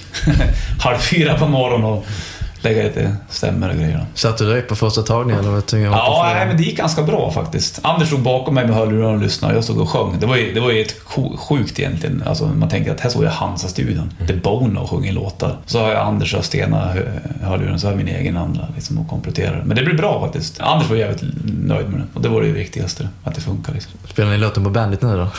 Ja, nej, nej, nej, alltså det där är också jävligt, jävligt svårt när man, liksom, när man jobbar som programledare och det går liksom inte... Jag står ju inte och spelar Rubarsov-låtar. För det kan jag inte. Och dels så vet jag att, för typ i Sverige också som vi snackade om tidigare, här är man liksom, skulle jag stå och bränna av massa Rubarsov-låtar, vilket jag inte kan för det är inte jag som är musikchef på kanalen, då, då skulle folk tycka att, vem fan tror han att han är? Står där och smäller med hängslen liksom. Och då blir det ju, då får du en backlash istället av det. Istället för att folk tycker att det är bra. Så det där är skitsvårt verkligen. Men om det är så nu, nu hade jag ju, Hideout gick ju ganska bra med Rubarsson-låten där. Och då, men det var ju för att folk tyckte att det var bra. Det var inte för att jag tyckte att den här ska spelas liksom. Nej. Ja, men det- det, för- det är mer Richie som har tjatat Ja, om att du ska spela.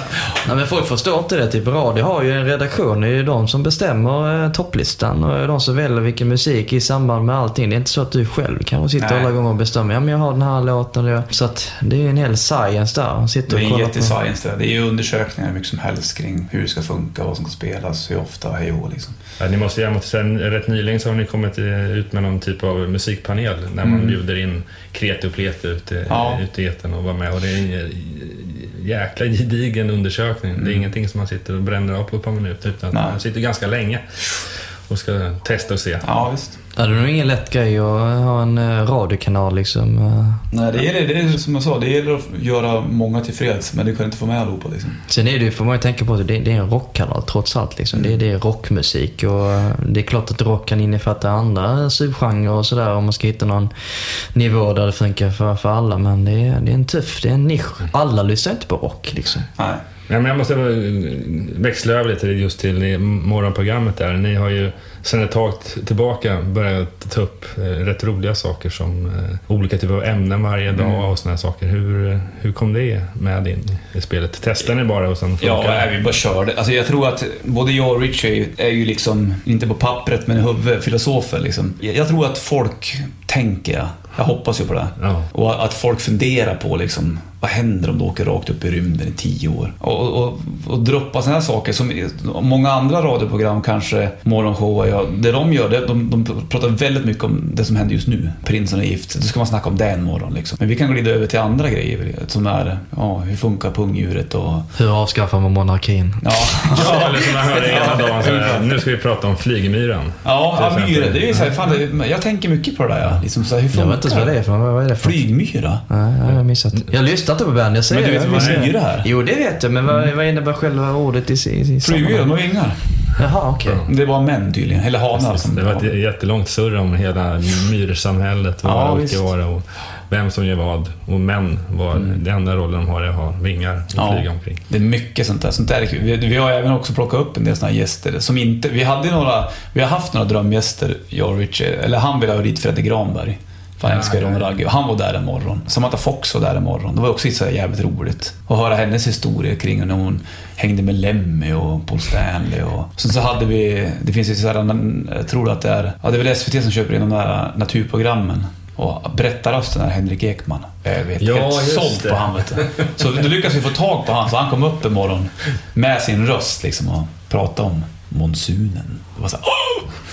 Det- magiskt. Det blev helt tyst, ja, det blev helt tyst Ja. då. Han kan bara Sånt där är så jävla roligt. Sånt där tycker jag är kul. Och folk känner igen bara, det är han, det är den rösten liksom. Men det är Nej. ganska roligt just det med röstidentiteter. För jag menar, okej att man känner igen människan, men det är han. Han Ja. ser ut sådär. Men det är mer direkt när man känner igen en. "Ja, men den där Ja. har jag hört någonstans. Men varifrån? Ja, det tar ett Helt anonyma till ytter.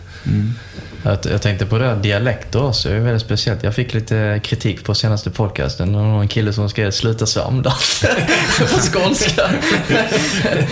så att eh, det handlar ju mer eh, om man, man ska vara van vid att prata också, dialekter. Men det är väldigt så blandat.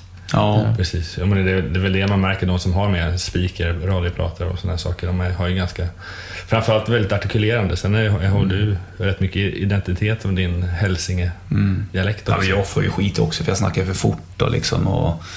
Men jag tror att folk har vant sig vid det. Jag pratar fort, det gör jag. Men är inte det lite hälsinge? Nej, det, nej, det behöver det nog inte vara. Jag har alltid gjort det sedan jag var liten, men ehm, ibland kommer det nog liksom... Det händer inte så ofta, men någon gång har det kommit så här. Fan vad du snackar fort. Ja, det gör jag. Så var det med den grejen. Punkt slut. Precis, det är jag. Jonte, du har ju en sån här porrig röst. Du skulle kunna sälja din moster på telemarketing. De har ju lyssnat på efterhand, alla podcasts. Fan vilken len röst den här killen har. Så, och så hör man mig i baken. Ja, hej, hej. Det är lite yin och yang mellan dig. Du, är, du är kort och jag är lång. Och, Uh, sidekick. Ja, det- vi är inte lika för fem öre, men det funkar ändå jag. Ja, men det är det som är grejen tror jag. Olikheter. Så Martin, du, ehm, du samlar ju massa på instrument eh, har vi märkt och det speglar lite grann i din egen musik, Martin Rubashov. ehm, Och du reser en hel del. Är planen att när du väl reser att du ska försöka hitta det instrumentet eller bara så här på måfå? Musiken och resa tycker jag är hand i hand lite grann. Och även, det finns en kultur, alltså komma till ett annat land och då är jag väl så här, hur låter det här då liksom? Och då vill jag inte höra liksom topplistan i Iran, utan jag vill höra liksom det traditionella lite grann. Och då har det, det började väl det där egentligen när jag var i, i Indien. När jag, för då var min plan, jag ska köpa en sitar och så ska jag liksom... Så jag köpte en sitar och så letade jag upp en sån här music college. Men det blev aldrig att jag fick ta in lektionen för det hände, det var alltid någonting som var i vägen. Men jag tänkte att jag, jag, jag plockar hem den här och sen så eh, lägger jag in det här i lite musik. Sen så har det blivit så när jag har rest att jag har, eh, jag köpte tavla när jag var i Indien också. Jag kan inte spela tavla så det är ju übersvårt och det är sitaren också egentligen. Men att man kan i alla fall använda sig av det i... För, det, för mig så blir det, det blir exotiskt att ta med det i olika låtar liksom. Turkiet när jag var där för, förra sommaren, jag, då bara, jag måste ha en SAS. Vad är, vad är det jämfört en SAS. Alltså en SAS är ju, alltså det är, ju- det är, det är, det stränginstrument jag köper oftast. Men det är en väldigt tunn hals som så här, typ sex strängar, eh, alltså tre par då, med dubbelsträngar. Sen så, eh, det är väldigt mycket så här, trähantverk. Träskruvar och det är liksom en liten låda där nere. Och sen så, eh, man får ett jävligt skönt sound i dem. Men om man lyssnar på turkisk folkmusik eller någonting, är det, hör man mycket av... Det har, alltså, jag tror att det är ganska mycket eh, här, Sydeuropa. li- Lika så här persiska instrument. Sarod, esrai och det finns jättemycket grejer som jag skulle vilja ha som jag inte får tag på än. Men, det- men det kan jag ju i och för sig. Det går ju att köpa i Sverige också. Men det, det roliga är när man, när, man, när man reser och köper den på plats. Det tycker jag är fantastiskt. Och helst Men- med den personen du köper den av och kanske Ja, liksom den. berätta någonting om det liksom. Eller visa någonting. Är de här instrumenten, är de dyra då eller? Ja, det beror ju på. Alltså, jag köper inte den dyraste Nej. Sitaren. eller, För det, jag är inte liksom... Ja, då måste du lära dig ravisant. spela så. Ja, ja. Men, men, men samtidigt så jag köper inte någon sån här turistattraktionsgrej. Då, då kan jag lika gärna skita i det. Hur får man hem grejerna? Alltså, det måste vara ett helvete att paketera. Mm. det. Citaren, när jag köpte den i Indien så då, då, hade jag, då, då fanns det ingen hardcase. Och jag fick inte ta den i flygplanet. Så när jag kom hem, då var ju den här liksom lådan som en jävligt skör, som en torkad pumpa typ. Den var ju sprucken och paj. Men då byggde min farfar, som, han hade byggt fioler förut, så han hade lyckats limma ihop den. Men då fick jag en till på försäkringsbolaget. Då var det en kille söder om Göteborg som hade sitarer, ganska bra sitarer på lager. Jag köpte en av han där. Med en hardcase. Med, med försäkringspengarna då eftersom man gick sönder? Ja, Okej, ja. så då har, nu har jag två citarer. Jaha. Men när man köper den här, den här turkiska sassen, den är inte lika stor, så den kan jag ta på planet. Och liksom, lika mandoliner och grejer, mindre grejer. Brasilien köpte en sån här samba-gitarr, cavaco heter de. Ehm, som låter som en stålsträngad ukulele ungefär. Så- Så det, det, man kan säga att det är din grej då, att du samlar på lite udda instrument? Ja, jag och- försöker få tag på dem. Och vi har sån här Brimbao heter det. Nu har inte jag spelat på den. Jag vet att Max Cavalera körde mycket där i Sepultura och Soulfly som ser ut som en stor pilbåge som är så här rytmisk. Mm. Som man använder när man kör capoeira. Brasilianska dansgrejen. där. Men eh, det vore ju kul att liksom köpa på sig mer och liksom blanda in mer. Speciellt för då varje instrument att ha, få, få liksom ett minne till ett land. Det tycker jag är ganska trevligt. Brasilien som resmål har ju varit en form av dröm, har du pratat om när vi har pratat tidigare. Mm. Eh, vad är det som är... Jag, vet, alltså jag var ju där jag, var där i 99. Jag var- spenderade sex månader i Brasilien 99 till 2000. Och då tror jag att det var liksom min största och första resa. Komma till ett extremt nytt land. Ingen jag kände hade varit i Brasilien då. Är du inte själv också eller? Nej, vi var en grupp på fem pers. Ute och träffade indianer. Vi satte upp en, en ehm, eh, barnteater i en sån här favela, kåkstad i Rio. Så det var, liksom, det, var så, det var så mycket intryck tror jag. Och jag var 20 bast. Det hände mycket i huvudet då. Så det, och då, det var en bra period. Så därför så, så när jag kom hem så gick det 13 år innan jag åkte tillbaka. Men nu, numera åker du själv också? Alltså du bara, Mm. ja, men det kan vara så här typ någon vecka, nu drar jag bara och sen börjar du någon helt annanstans och jag Mm. Ja. åker själv också. Ja, jag, tycker inte, alltså jag tycker att resa själv är ganska intressant. En del kan inte tänka sig att göra det. Men jag tycker det är fantastiskt. Det är klart att om du reser med någon så delar du ju en upplevelse. Men du, du, du kan ju även, om du reser själv, då måste du klara det på egen hand. Det tycker jag är lite fränt faktiskt. Men Det är ju, väldigt färre, ju färre man är, och framförallt om man är själv, då har man ju störst sannolikhet om att träffa eller människor på plats så att säga, Ja, som visst. inte har med turisten att Ja, göra. exakt. Precis. Annars är det så lätt man följ, följs åt hela tiden.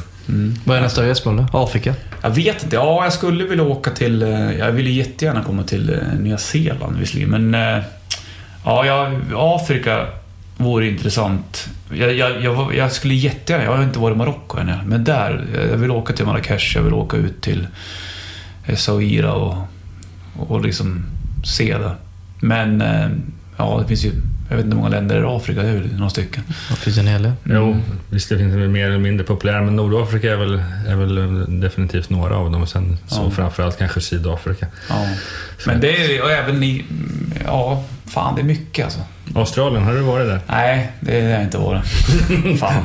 Men ja, just det. Men åker man till den delen, Nya Zeeland, så tar man väl Ja, och antar det är så jäkla långt bort och det går inte att ta en två veckors trip till Australien. Då skulle du vara gärna borta om några månader tror jag. Ja, det Vad är, vad är det som lockar med just de här länderna? Är det, är det värme framförallt? För att allting är så här eh, väldigt varmt. Jag tror det finns en nyfikenhet, jag vet du. Att man aldrig har satt sin fot där förut. Så det är inte så att du har världskartan framför dig som bara, jag har inte det instrumentet, där vill jag åka. Du baserar dig på det ja, eller? ja, fast just det här Nordafrika, eh, skumma Europa, där, där är det mycket så här, dit vill jag åka och köpa instrument. Australien har, jag ingen liksom, vad ska jag köpa där? En didgeridoo liksom, men det kan jag ju...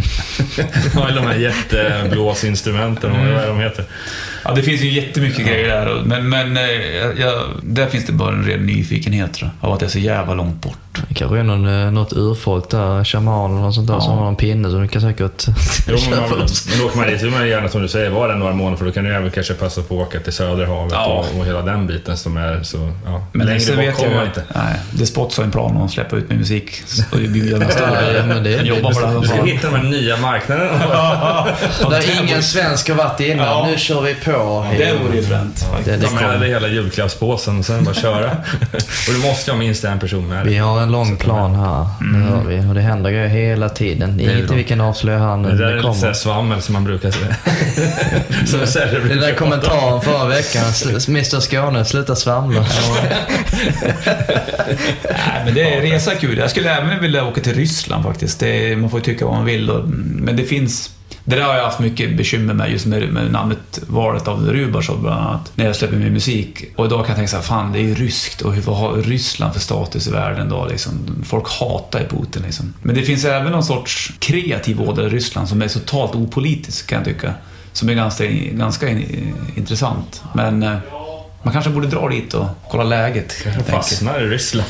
Ja, Vi, Alltså, vi hade ju den här diskussionen angående artistnamnet. Mm. Rubashov kommer ju faktiskt från en eh, berömd författare som du eh, Ja, läser. det- var ju också så här, när jag skulle släppa eh, eget, liksom, akustiska, så jag ville inte ta mitt eget namn.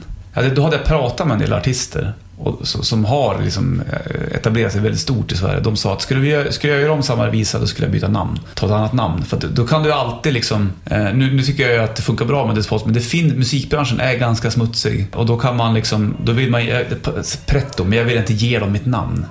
Generellt. Nej, precis. Eh, Det är ett varumärke. Ja, det är ett varumärke och, och, liksom, och, och historien kring Rubashov var ju att jag hade läst för flera år sedan Carl-Johan Wallgrens bok Dokument rörande spelaren Rubashov och då, då, då, då är, sitter han i, jag tror det är Sankt Petersburg, den här Rubashov, millennieskiftet till 1900-talet. Så knackar det på dörren och så kommer djävulen in och så spelar de kort och så får han evigt liv och sen så går det ut på att han ska bryta kontraktet där med djävulen.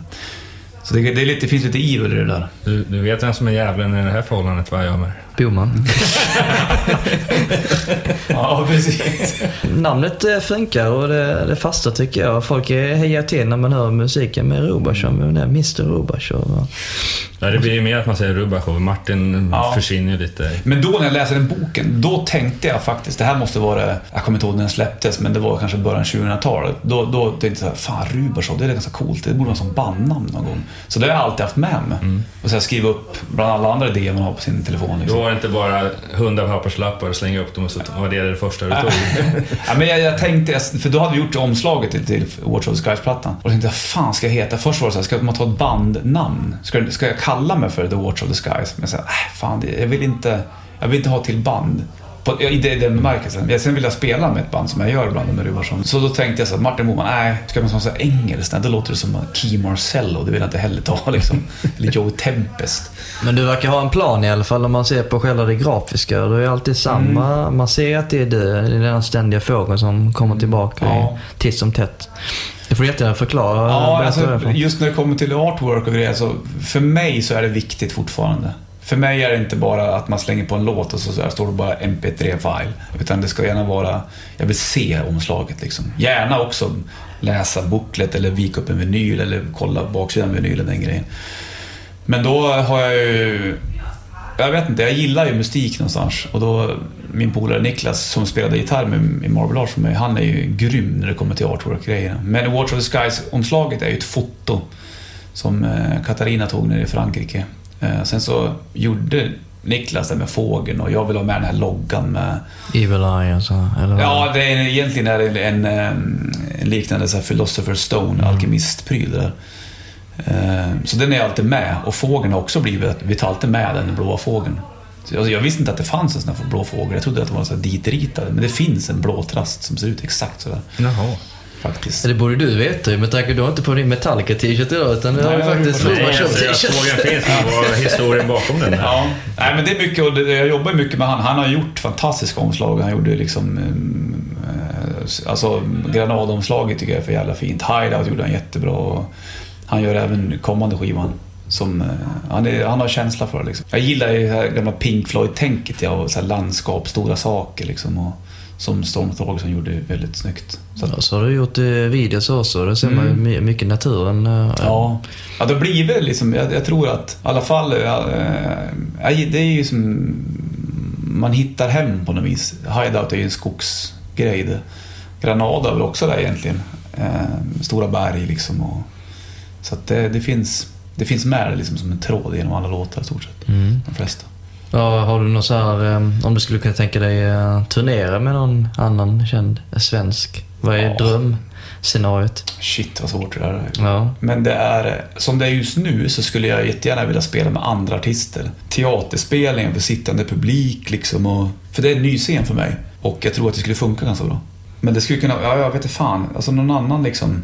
Typ som Södra Teatern här i Stockholm. Ja, sådana grejer liksom. Som Lanigan gör. Mark, han, han är ju fantastisk. Eller, fan det, det funkar liksom. Det finns ett annat, det finns ett brett, det finns ett musiktycke i Sverige. Sen så hoppas jag bara att folk vill gå ut och titta på musik. Men folk lyssnar ju uppenbarligen mycket på musik så att bara folk vågar sig ut så. Ja, det är det där med att slita ut dem ifrån bekväma eh, myssoffan. Mm. Ja, det är det. Förr i tiden så var det, gick alla ut och kollade på musik.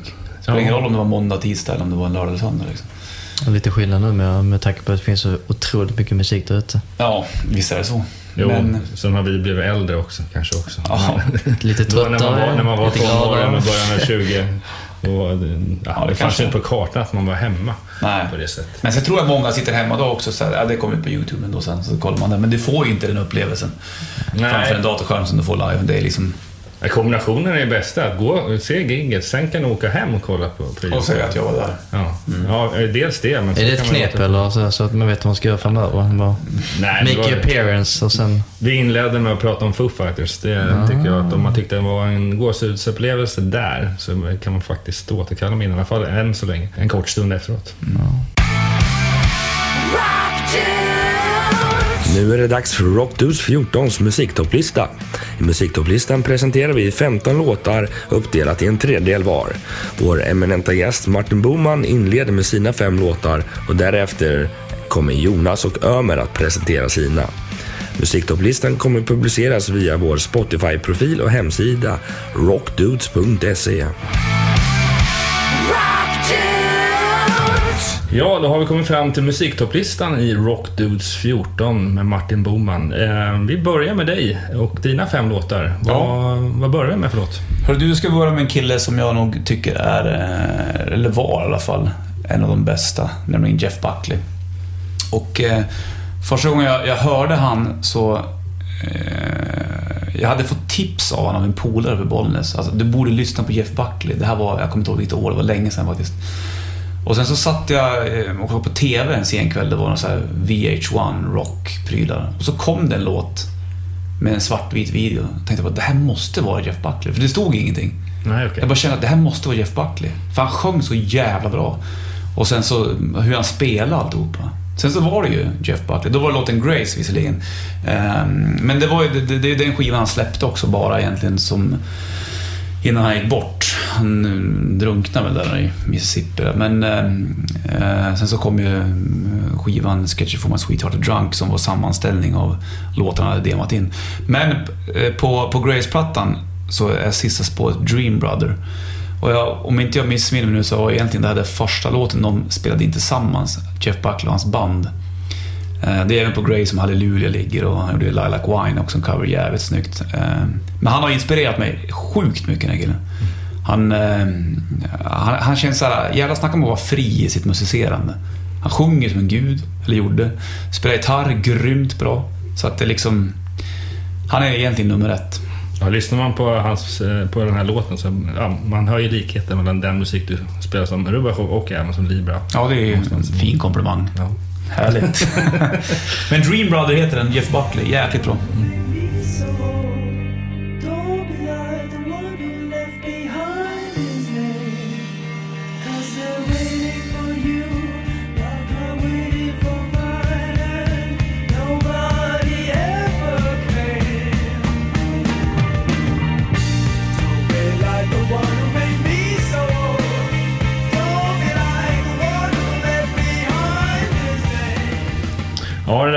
Buckley med Dream Brother. Som låt nummer två, vad har du valt då? Då har jag valt egentligen mitt favoritband som faktiskt fortfarande håller på. Det här... Eh, eh, det var också så här ett tips jag fick. Jag var nere på Hultsfredsfestivalen 99. Nej, det, nej, det måste vara innan 98 var det. Och så jobbade jag där eh, på en stor Hawaii-scen och man skulle stå framför dik och kasta bort folk. De skulle, de skulle crowda och grejer. Men då på kvällen så var, det, var vi på ett här backstageområde och då såg vi och snackade med Leif Edling i Candlemass. Och då bara han sa, så sa han bara, ni måste lyssna på The Tea Party. Och jag bara, ah, okej, så skrev han ner en lapp. The Tea Party, då skrev han två plattor. Um, Edges of Twilight och Transmission. Sen när jag kom hem så lyssnade jag på den där och blev helt såld. Sjukt såld blev jag. Eh, Och sen dess har jag ju, jag vet inte, det här är väl det band eh, som jag har lagt ner mest pengar på tror jag. Alltså köpa saker och, och grejer. Och, eh, och, och, om man har fått starstruck någon gång så fick jag faktiskt det när jag träffade sångaren Jeff Martin en gång. Jag träffade honom två gånger. En, en gång i Göteborg, jag åkte bil när han spelade en gång. Och satt vi på kvällen, på natten i hans hyrbil och drack vin och lyssnade på hans kommande solplatta. Och jag var så här, jag får inte bli för full nu. Jag måste komma ihåg det här. Ja, Vad vi sa! men Tea Party är ju också... De, liksom, de tog ju eh, det österländska från Led Zeppelin ett snäpp värre lite grann faktiskt. Det är, hans, det är Jeff Martin som inspirerade mig lite grann när det kommer till sitaren och grejer. Som eh, Jeff Martin i sin tur blev inspirerad av Zeppelin, som kommer komma snart visserligen. Men eh, Tea Party är ju helt magiska tycker jag. De la ner för några år sedan faktiskt. Det är också en trio från Kanada. Jeff Martin flyttade till Irland, Australien var det. Och han bor fortfarande i Australien. Men eh, häromåret så, så återförenas de och släppte en ny platta som heter The Ocean at the End som är jävligt bra. Men den här låten, Sister Awake från Ages of Twilight, det är liksom mästerverkets mästerverk.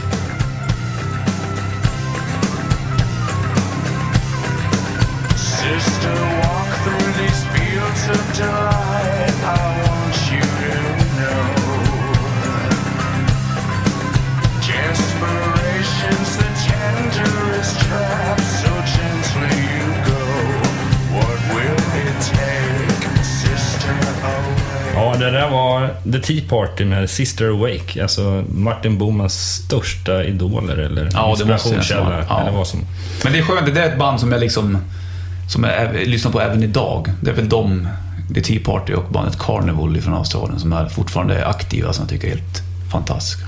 Nu kommer vi till nästa låt och du har ja, tangerat dem lite i förra Mm. beskrivningen. Precis, Led Zeppelin. Det här är ju... Alltså snacka om att ha ett band som har ett brett spektra. Många tror ju att Led Zeppelin bara är Whole Lotta Love-grejen. Eller så har de hört Stairway to Heaven. Men det finns ju så jäkla mycket grejer och det här. Och, eh, när jag var ung så kanske jag inte fattade Led Zeppelin lika mycket som jag gör idag. Men hela Jimmy Page, hur han stämmer gitarren i olika stämningar och hur Bonham, vilket geni han är på trum, var på trummor och John Paul Jones och vilken musiker och Robert Plant och såklart. Svårt att vara Led Zeppelin-låt, men jag tog en av mina favvisar från eh, House of the Holy. Vilken eh, skiva jag tycker nog kanske är den bästa, mest sammanhållande. Annars är det väl Led Zeppelin 3 eller Physiography, men House of the Holy och The Rain Song. Den är rätt fin den här låten. Släng på den.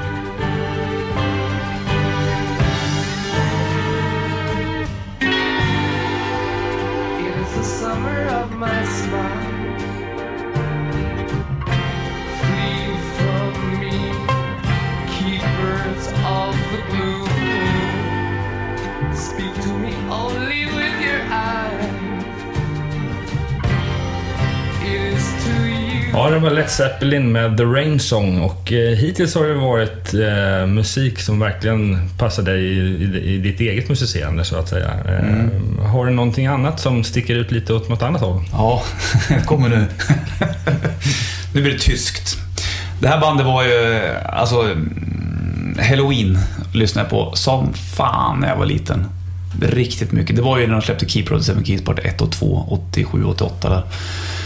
Och just sångaren där, Mikael Kiske, alltså han var ju, när Keep Road 7 Keys Part 2 släpptes, han var 20 år när han sjöng där. Det är helt sjukt det. Det finns ju ingen som har sån pipa. Han har ju fortfarande, när han åker ut idag och gör grejer, han, han sätter det ju väldigt bra. Många när de blir äldre mm, dankar ju av lite grann, men inte Kiske tycker jag. Seivas, som jag valt, är egentligen ett bonusspår från Keep Road 7 Keys Part 2. Den är inte med på liksom själva originalplattan, men nej, nej, fy fan vilken jävla stänkare det här är. Uh, eh, ja, den är, den är magisk. Jag har ju också så här, när det kommer till vinyler, halloween-grejer har jag ganska mycket. Jag vet, jag vet inte hur många picture disc jag har av Keep 7 Keys Part 2. Säkert tre, fyra pressar och grejer som jag har i stugan. Så den här brukar jag slänga på när jag är uppe i skolan.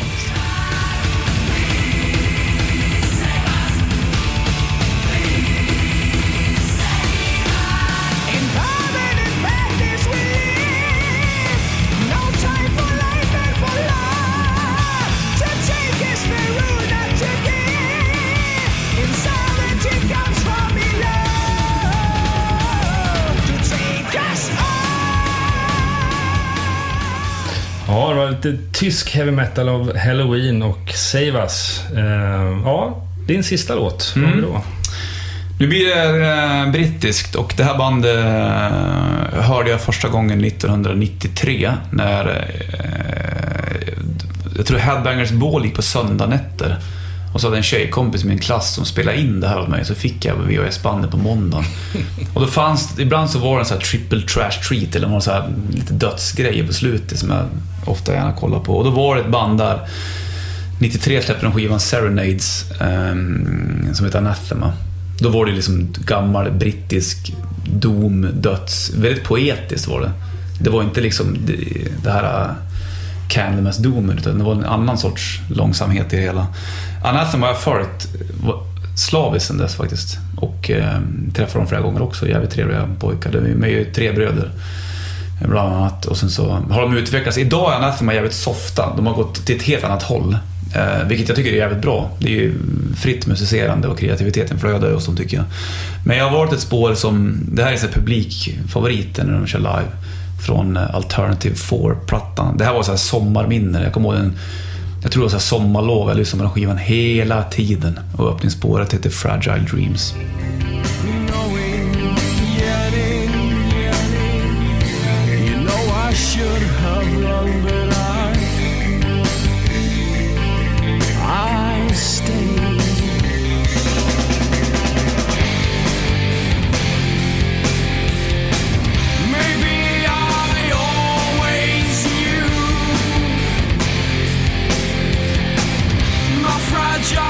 Ja, det där var Martin Bomans topp 5-låtar. Mycket intressant. Nu ska vi gå över till Sidekicken Ömers viktigaste låtar för det här programmet. Hur har du tänkt den här gången? Denna gången har jag valt eh, fem nya fräscha låtar som eh, bör upplysas ut till allmänheten, tycker man. Ehm, så jag ska inte svamla så mycket mer, men nu blir det Vad är första låten? Kataklysm, Die Serpent's Tongue, nya singel och eh, kanadensisk eh, band eh, från Montreal. Väldigt eh, tekniskt. Eh, jag gillar det här faktiskt och tycker ni också bör lyssna in er på detta.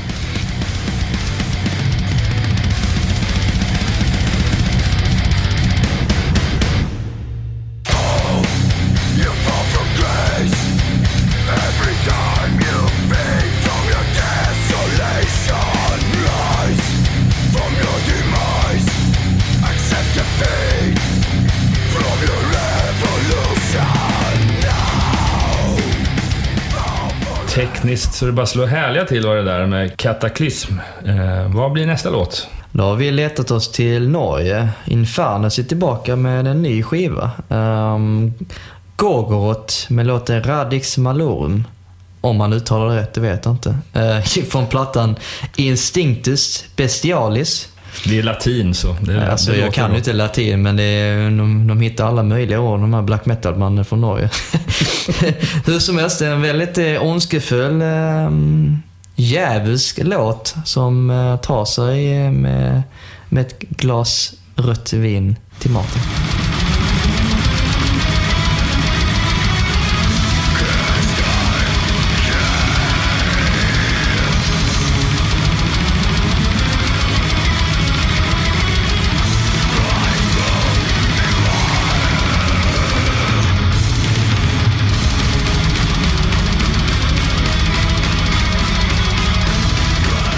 Dödsmetall. Vad sa du? Glasrött? Ja, Stämmer bra det. Smakar väl fint, men eh, nu ska vi ta oss hem till Sverige igen. Då befinner vi oss till en helt annan ort uppe i Haparanda. Um, Rauptyr med låten eh, Världsherravälde eh, som släpps som singel. Det här är då låten från andra skivan som kom ut efter Det finns bara krig. Skriet från vildmarken, plattan då. Världsherravälde för övrigt har eh, vi precis eh, sålt eh, guld på, vilket vi är oerhört stolta här på bolaget. Så vi vill lyfta fram den här låten. Och nej, här kommer Världsherravälde.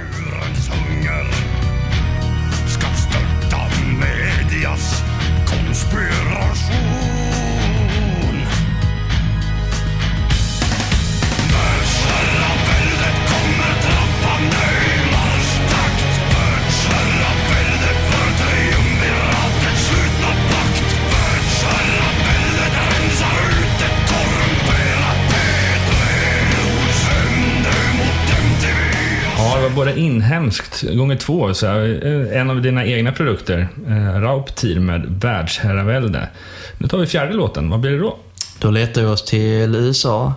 Eh, Des från Devil Driver hade ju ett band innan han hade Devil Driver. Det var Cold Chamber. Eh, stort fan var jag när jag var yngre. Och det här var lite klassat som nu metal back in the old days. Men det är det faktiskt inte, tycker jag. Och det står på sina egna ben. Och de är tillbaka nu efter paus. Eh, låten heter Are You Nothing? Och det här är singeln från Rivals-albumet.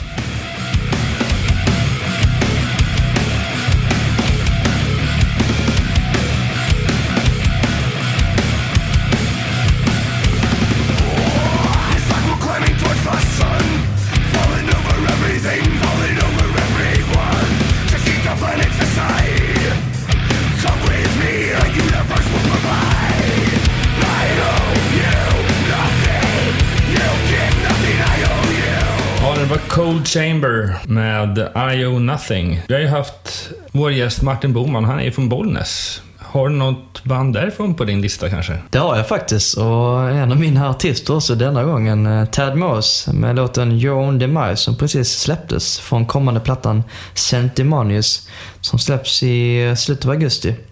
Eh, progressiv heavy metal när den är som bäst.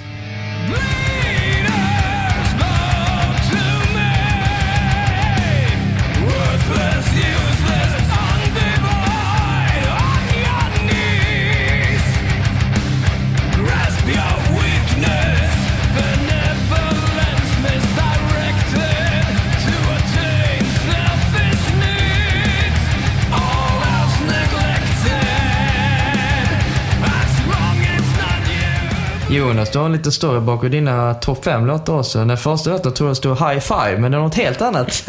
High Five, nej men High Fly. Det är ett annat projekt eh, för um, gitarristen i Thundermunder har ju startat ett annat band som heter High Fly.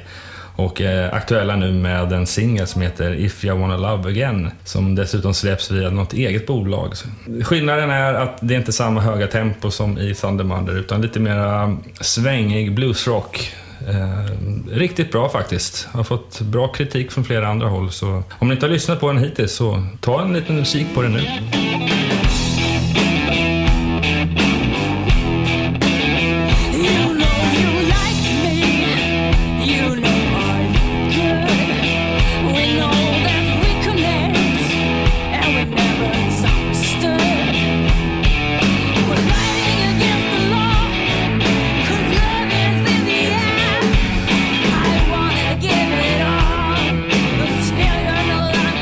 Till Låt Motor Jonas och det är lite grann som punken återvänder. Ett band som är tillbaka. Ja, verkligen. Det är, vi pratar om Backyard Babies och i det här fallet deras första singel på deras kommande album som heter 13 or Nothing. Men riktigt, ja, jag tycker det är skönt. Det eh, behövs lite av den här musiken. Det har, har inte varit så mycket av den här punk rockscenen på, på flera, flera år och de har ju varit borta i, vad är det nu är, fem år ungefär. Eh, de gjorde sin eh, comeback-spelning på Sweden Rock för ett antal veckor sedan.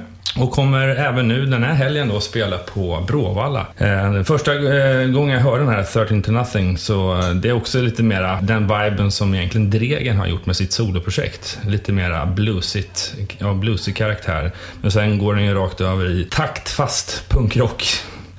Men ta och lyssna in på det här vet jag.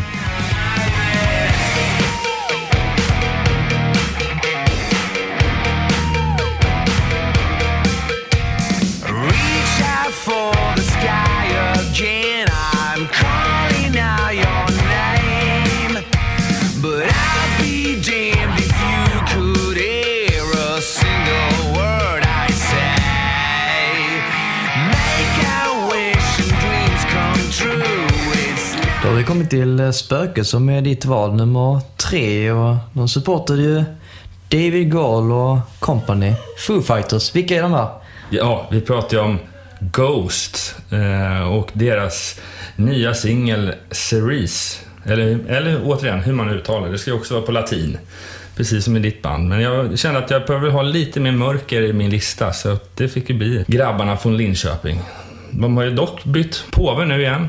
Så nu är det en, någon ny stjärna på gång och de har även bytt masker på resten av bandet. Det var lite intressant, men deras eh, supportgig på Foo Fighters det var riktigt bra. Den enda nackdelen som vi kanske pratade lite om tidigare i programmet var att det var eh, kvällssol rakt in på scenen. Så att, ja, det var väl det som fattades. Men låten Cerise är, en, är faktiskt en av de bästa låtarna hittills som jag tycker de har släppt. Den var riktigt bra.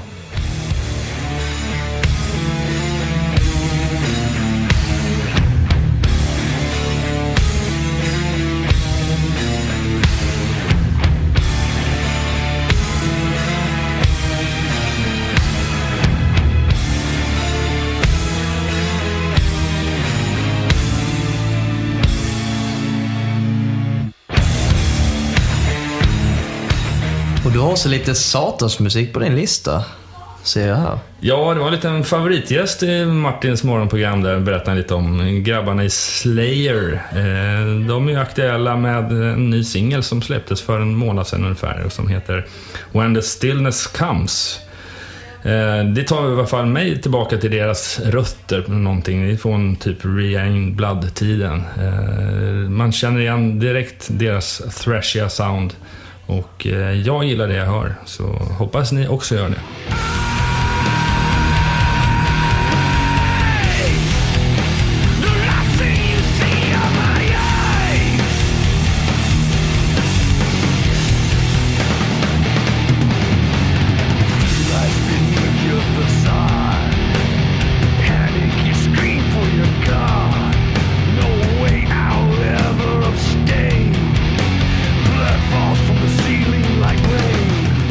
Till det mest kommersiella du har på listan. Ett amerikanskt band. Ja, Faith No More. Det var ett tag sedan man, jag hörde dem i alla fall. Eh, jag lyssnade på dem som mest i början på 90-talet och då var ju de här riktiga kommersiella hittarna såklart som man eh, lyssnar mycket på som Epic och Easy. Eh, de- är, har för en månad sedan släppt en ny platta som heter Soul Evictus. Invictus. Också lite krångligt namn att uttala. Men eh, de har en låt där som heter Superhero och den tyckte jag stod ut lite mer eh, jämfört med de andra apropå... Mm, ja, jag tycker resten av skivan, den låter bra och den är kommersiell och sådär men det här var lite mer tyngd, lite mera eh, hårdrock kan man säga. Och jag ser även fram emot att få se dem ikväll i, när, i, när det här programmet publiceras på Bråvalla. Vi ses där!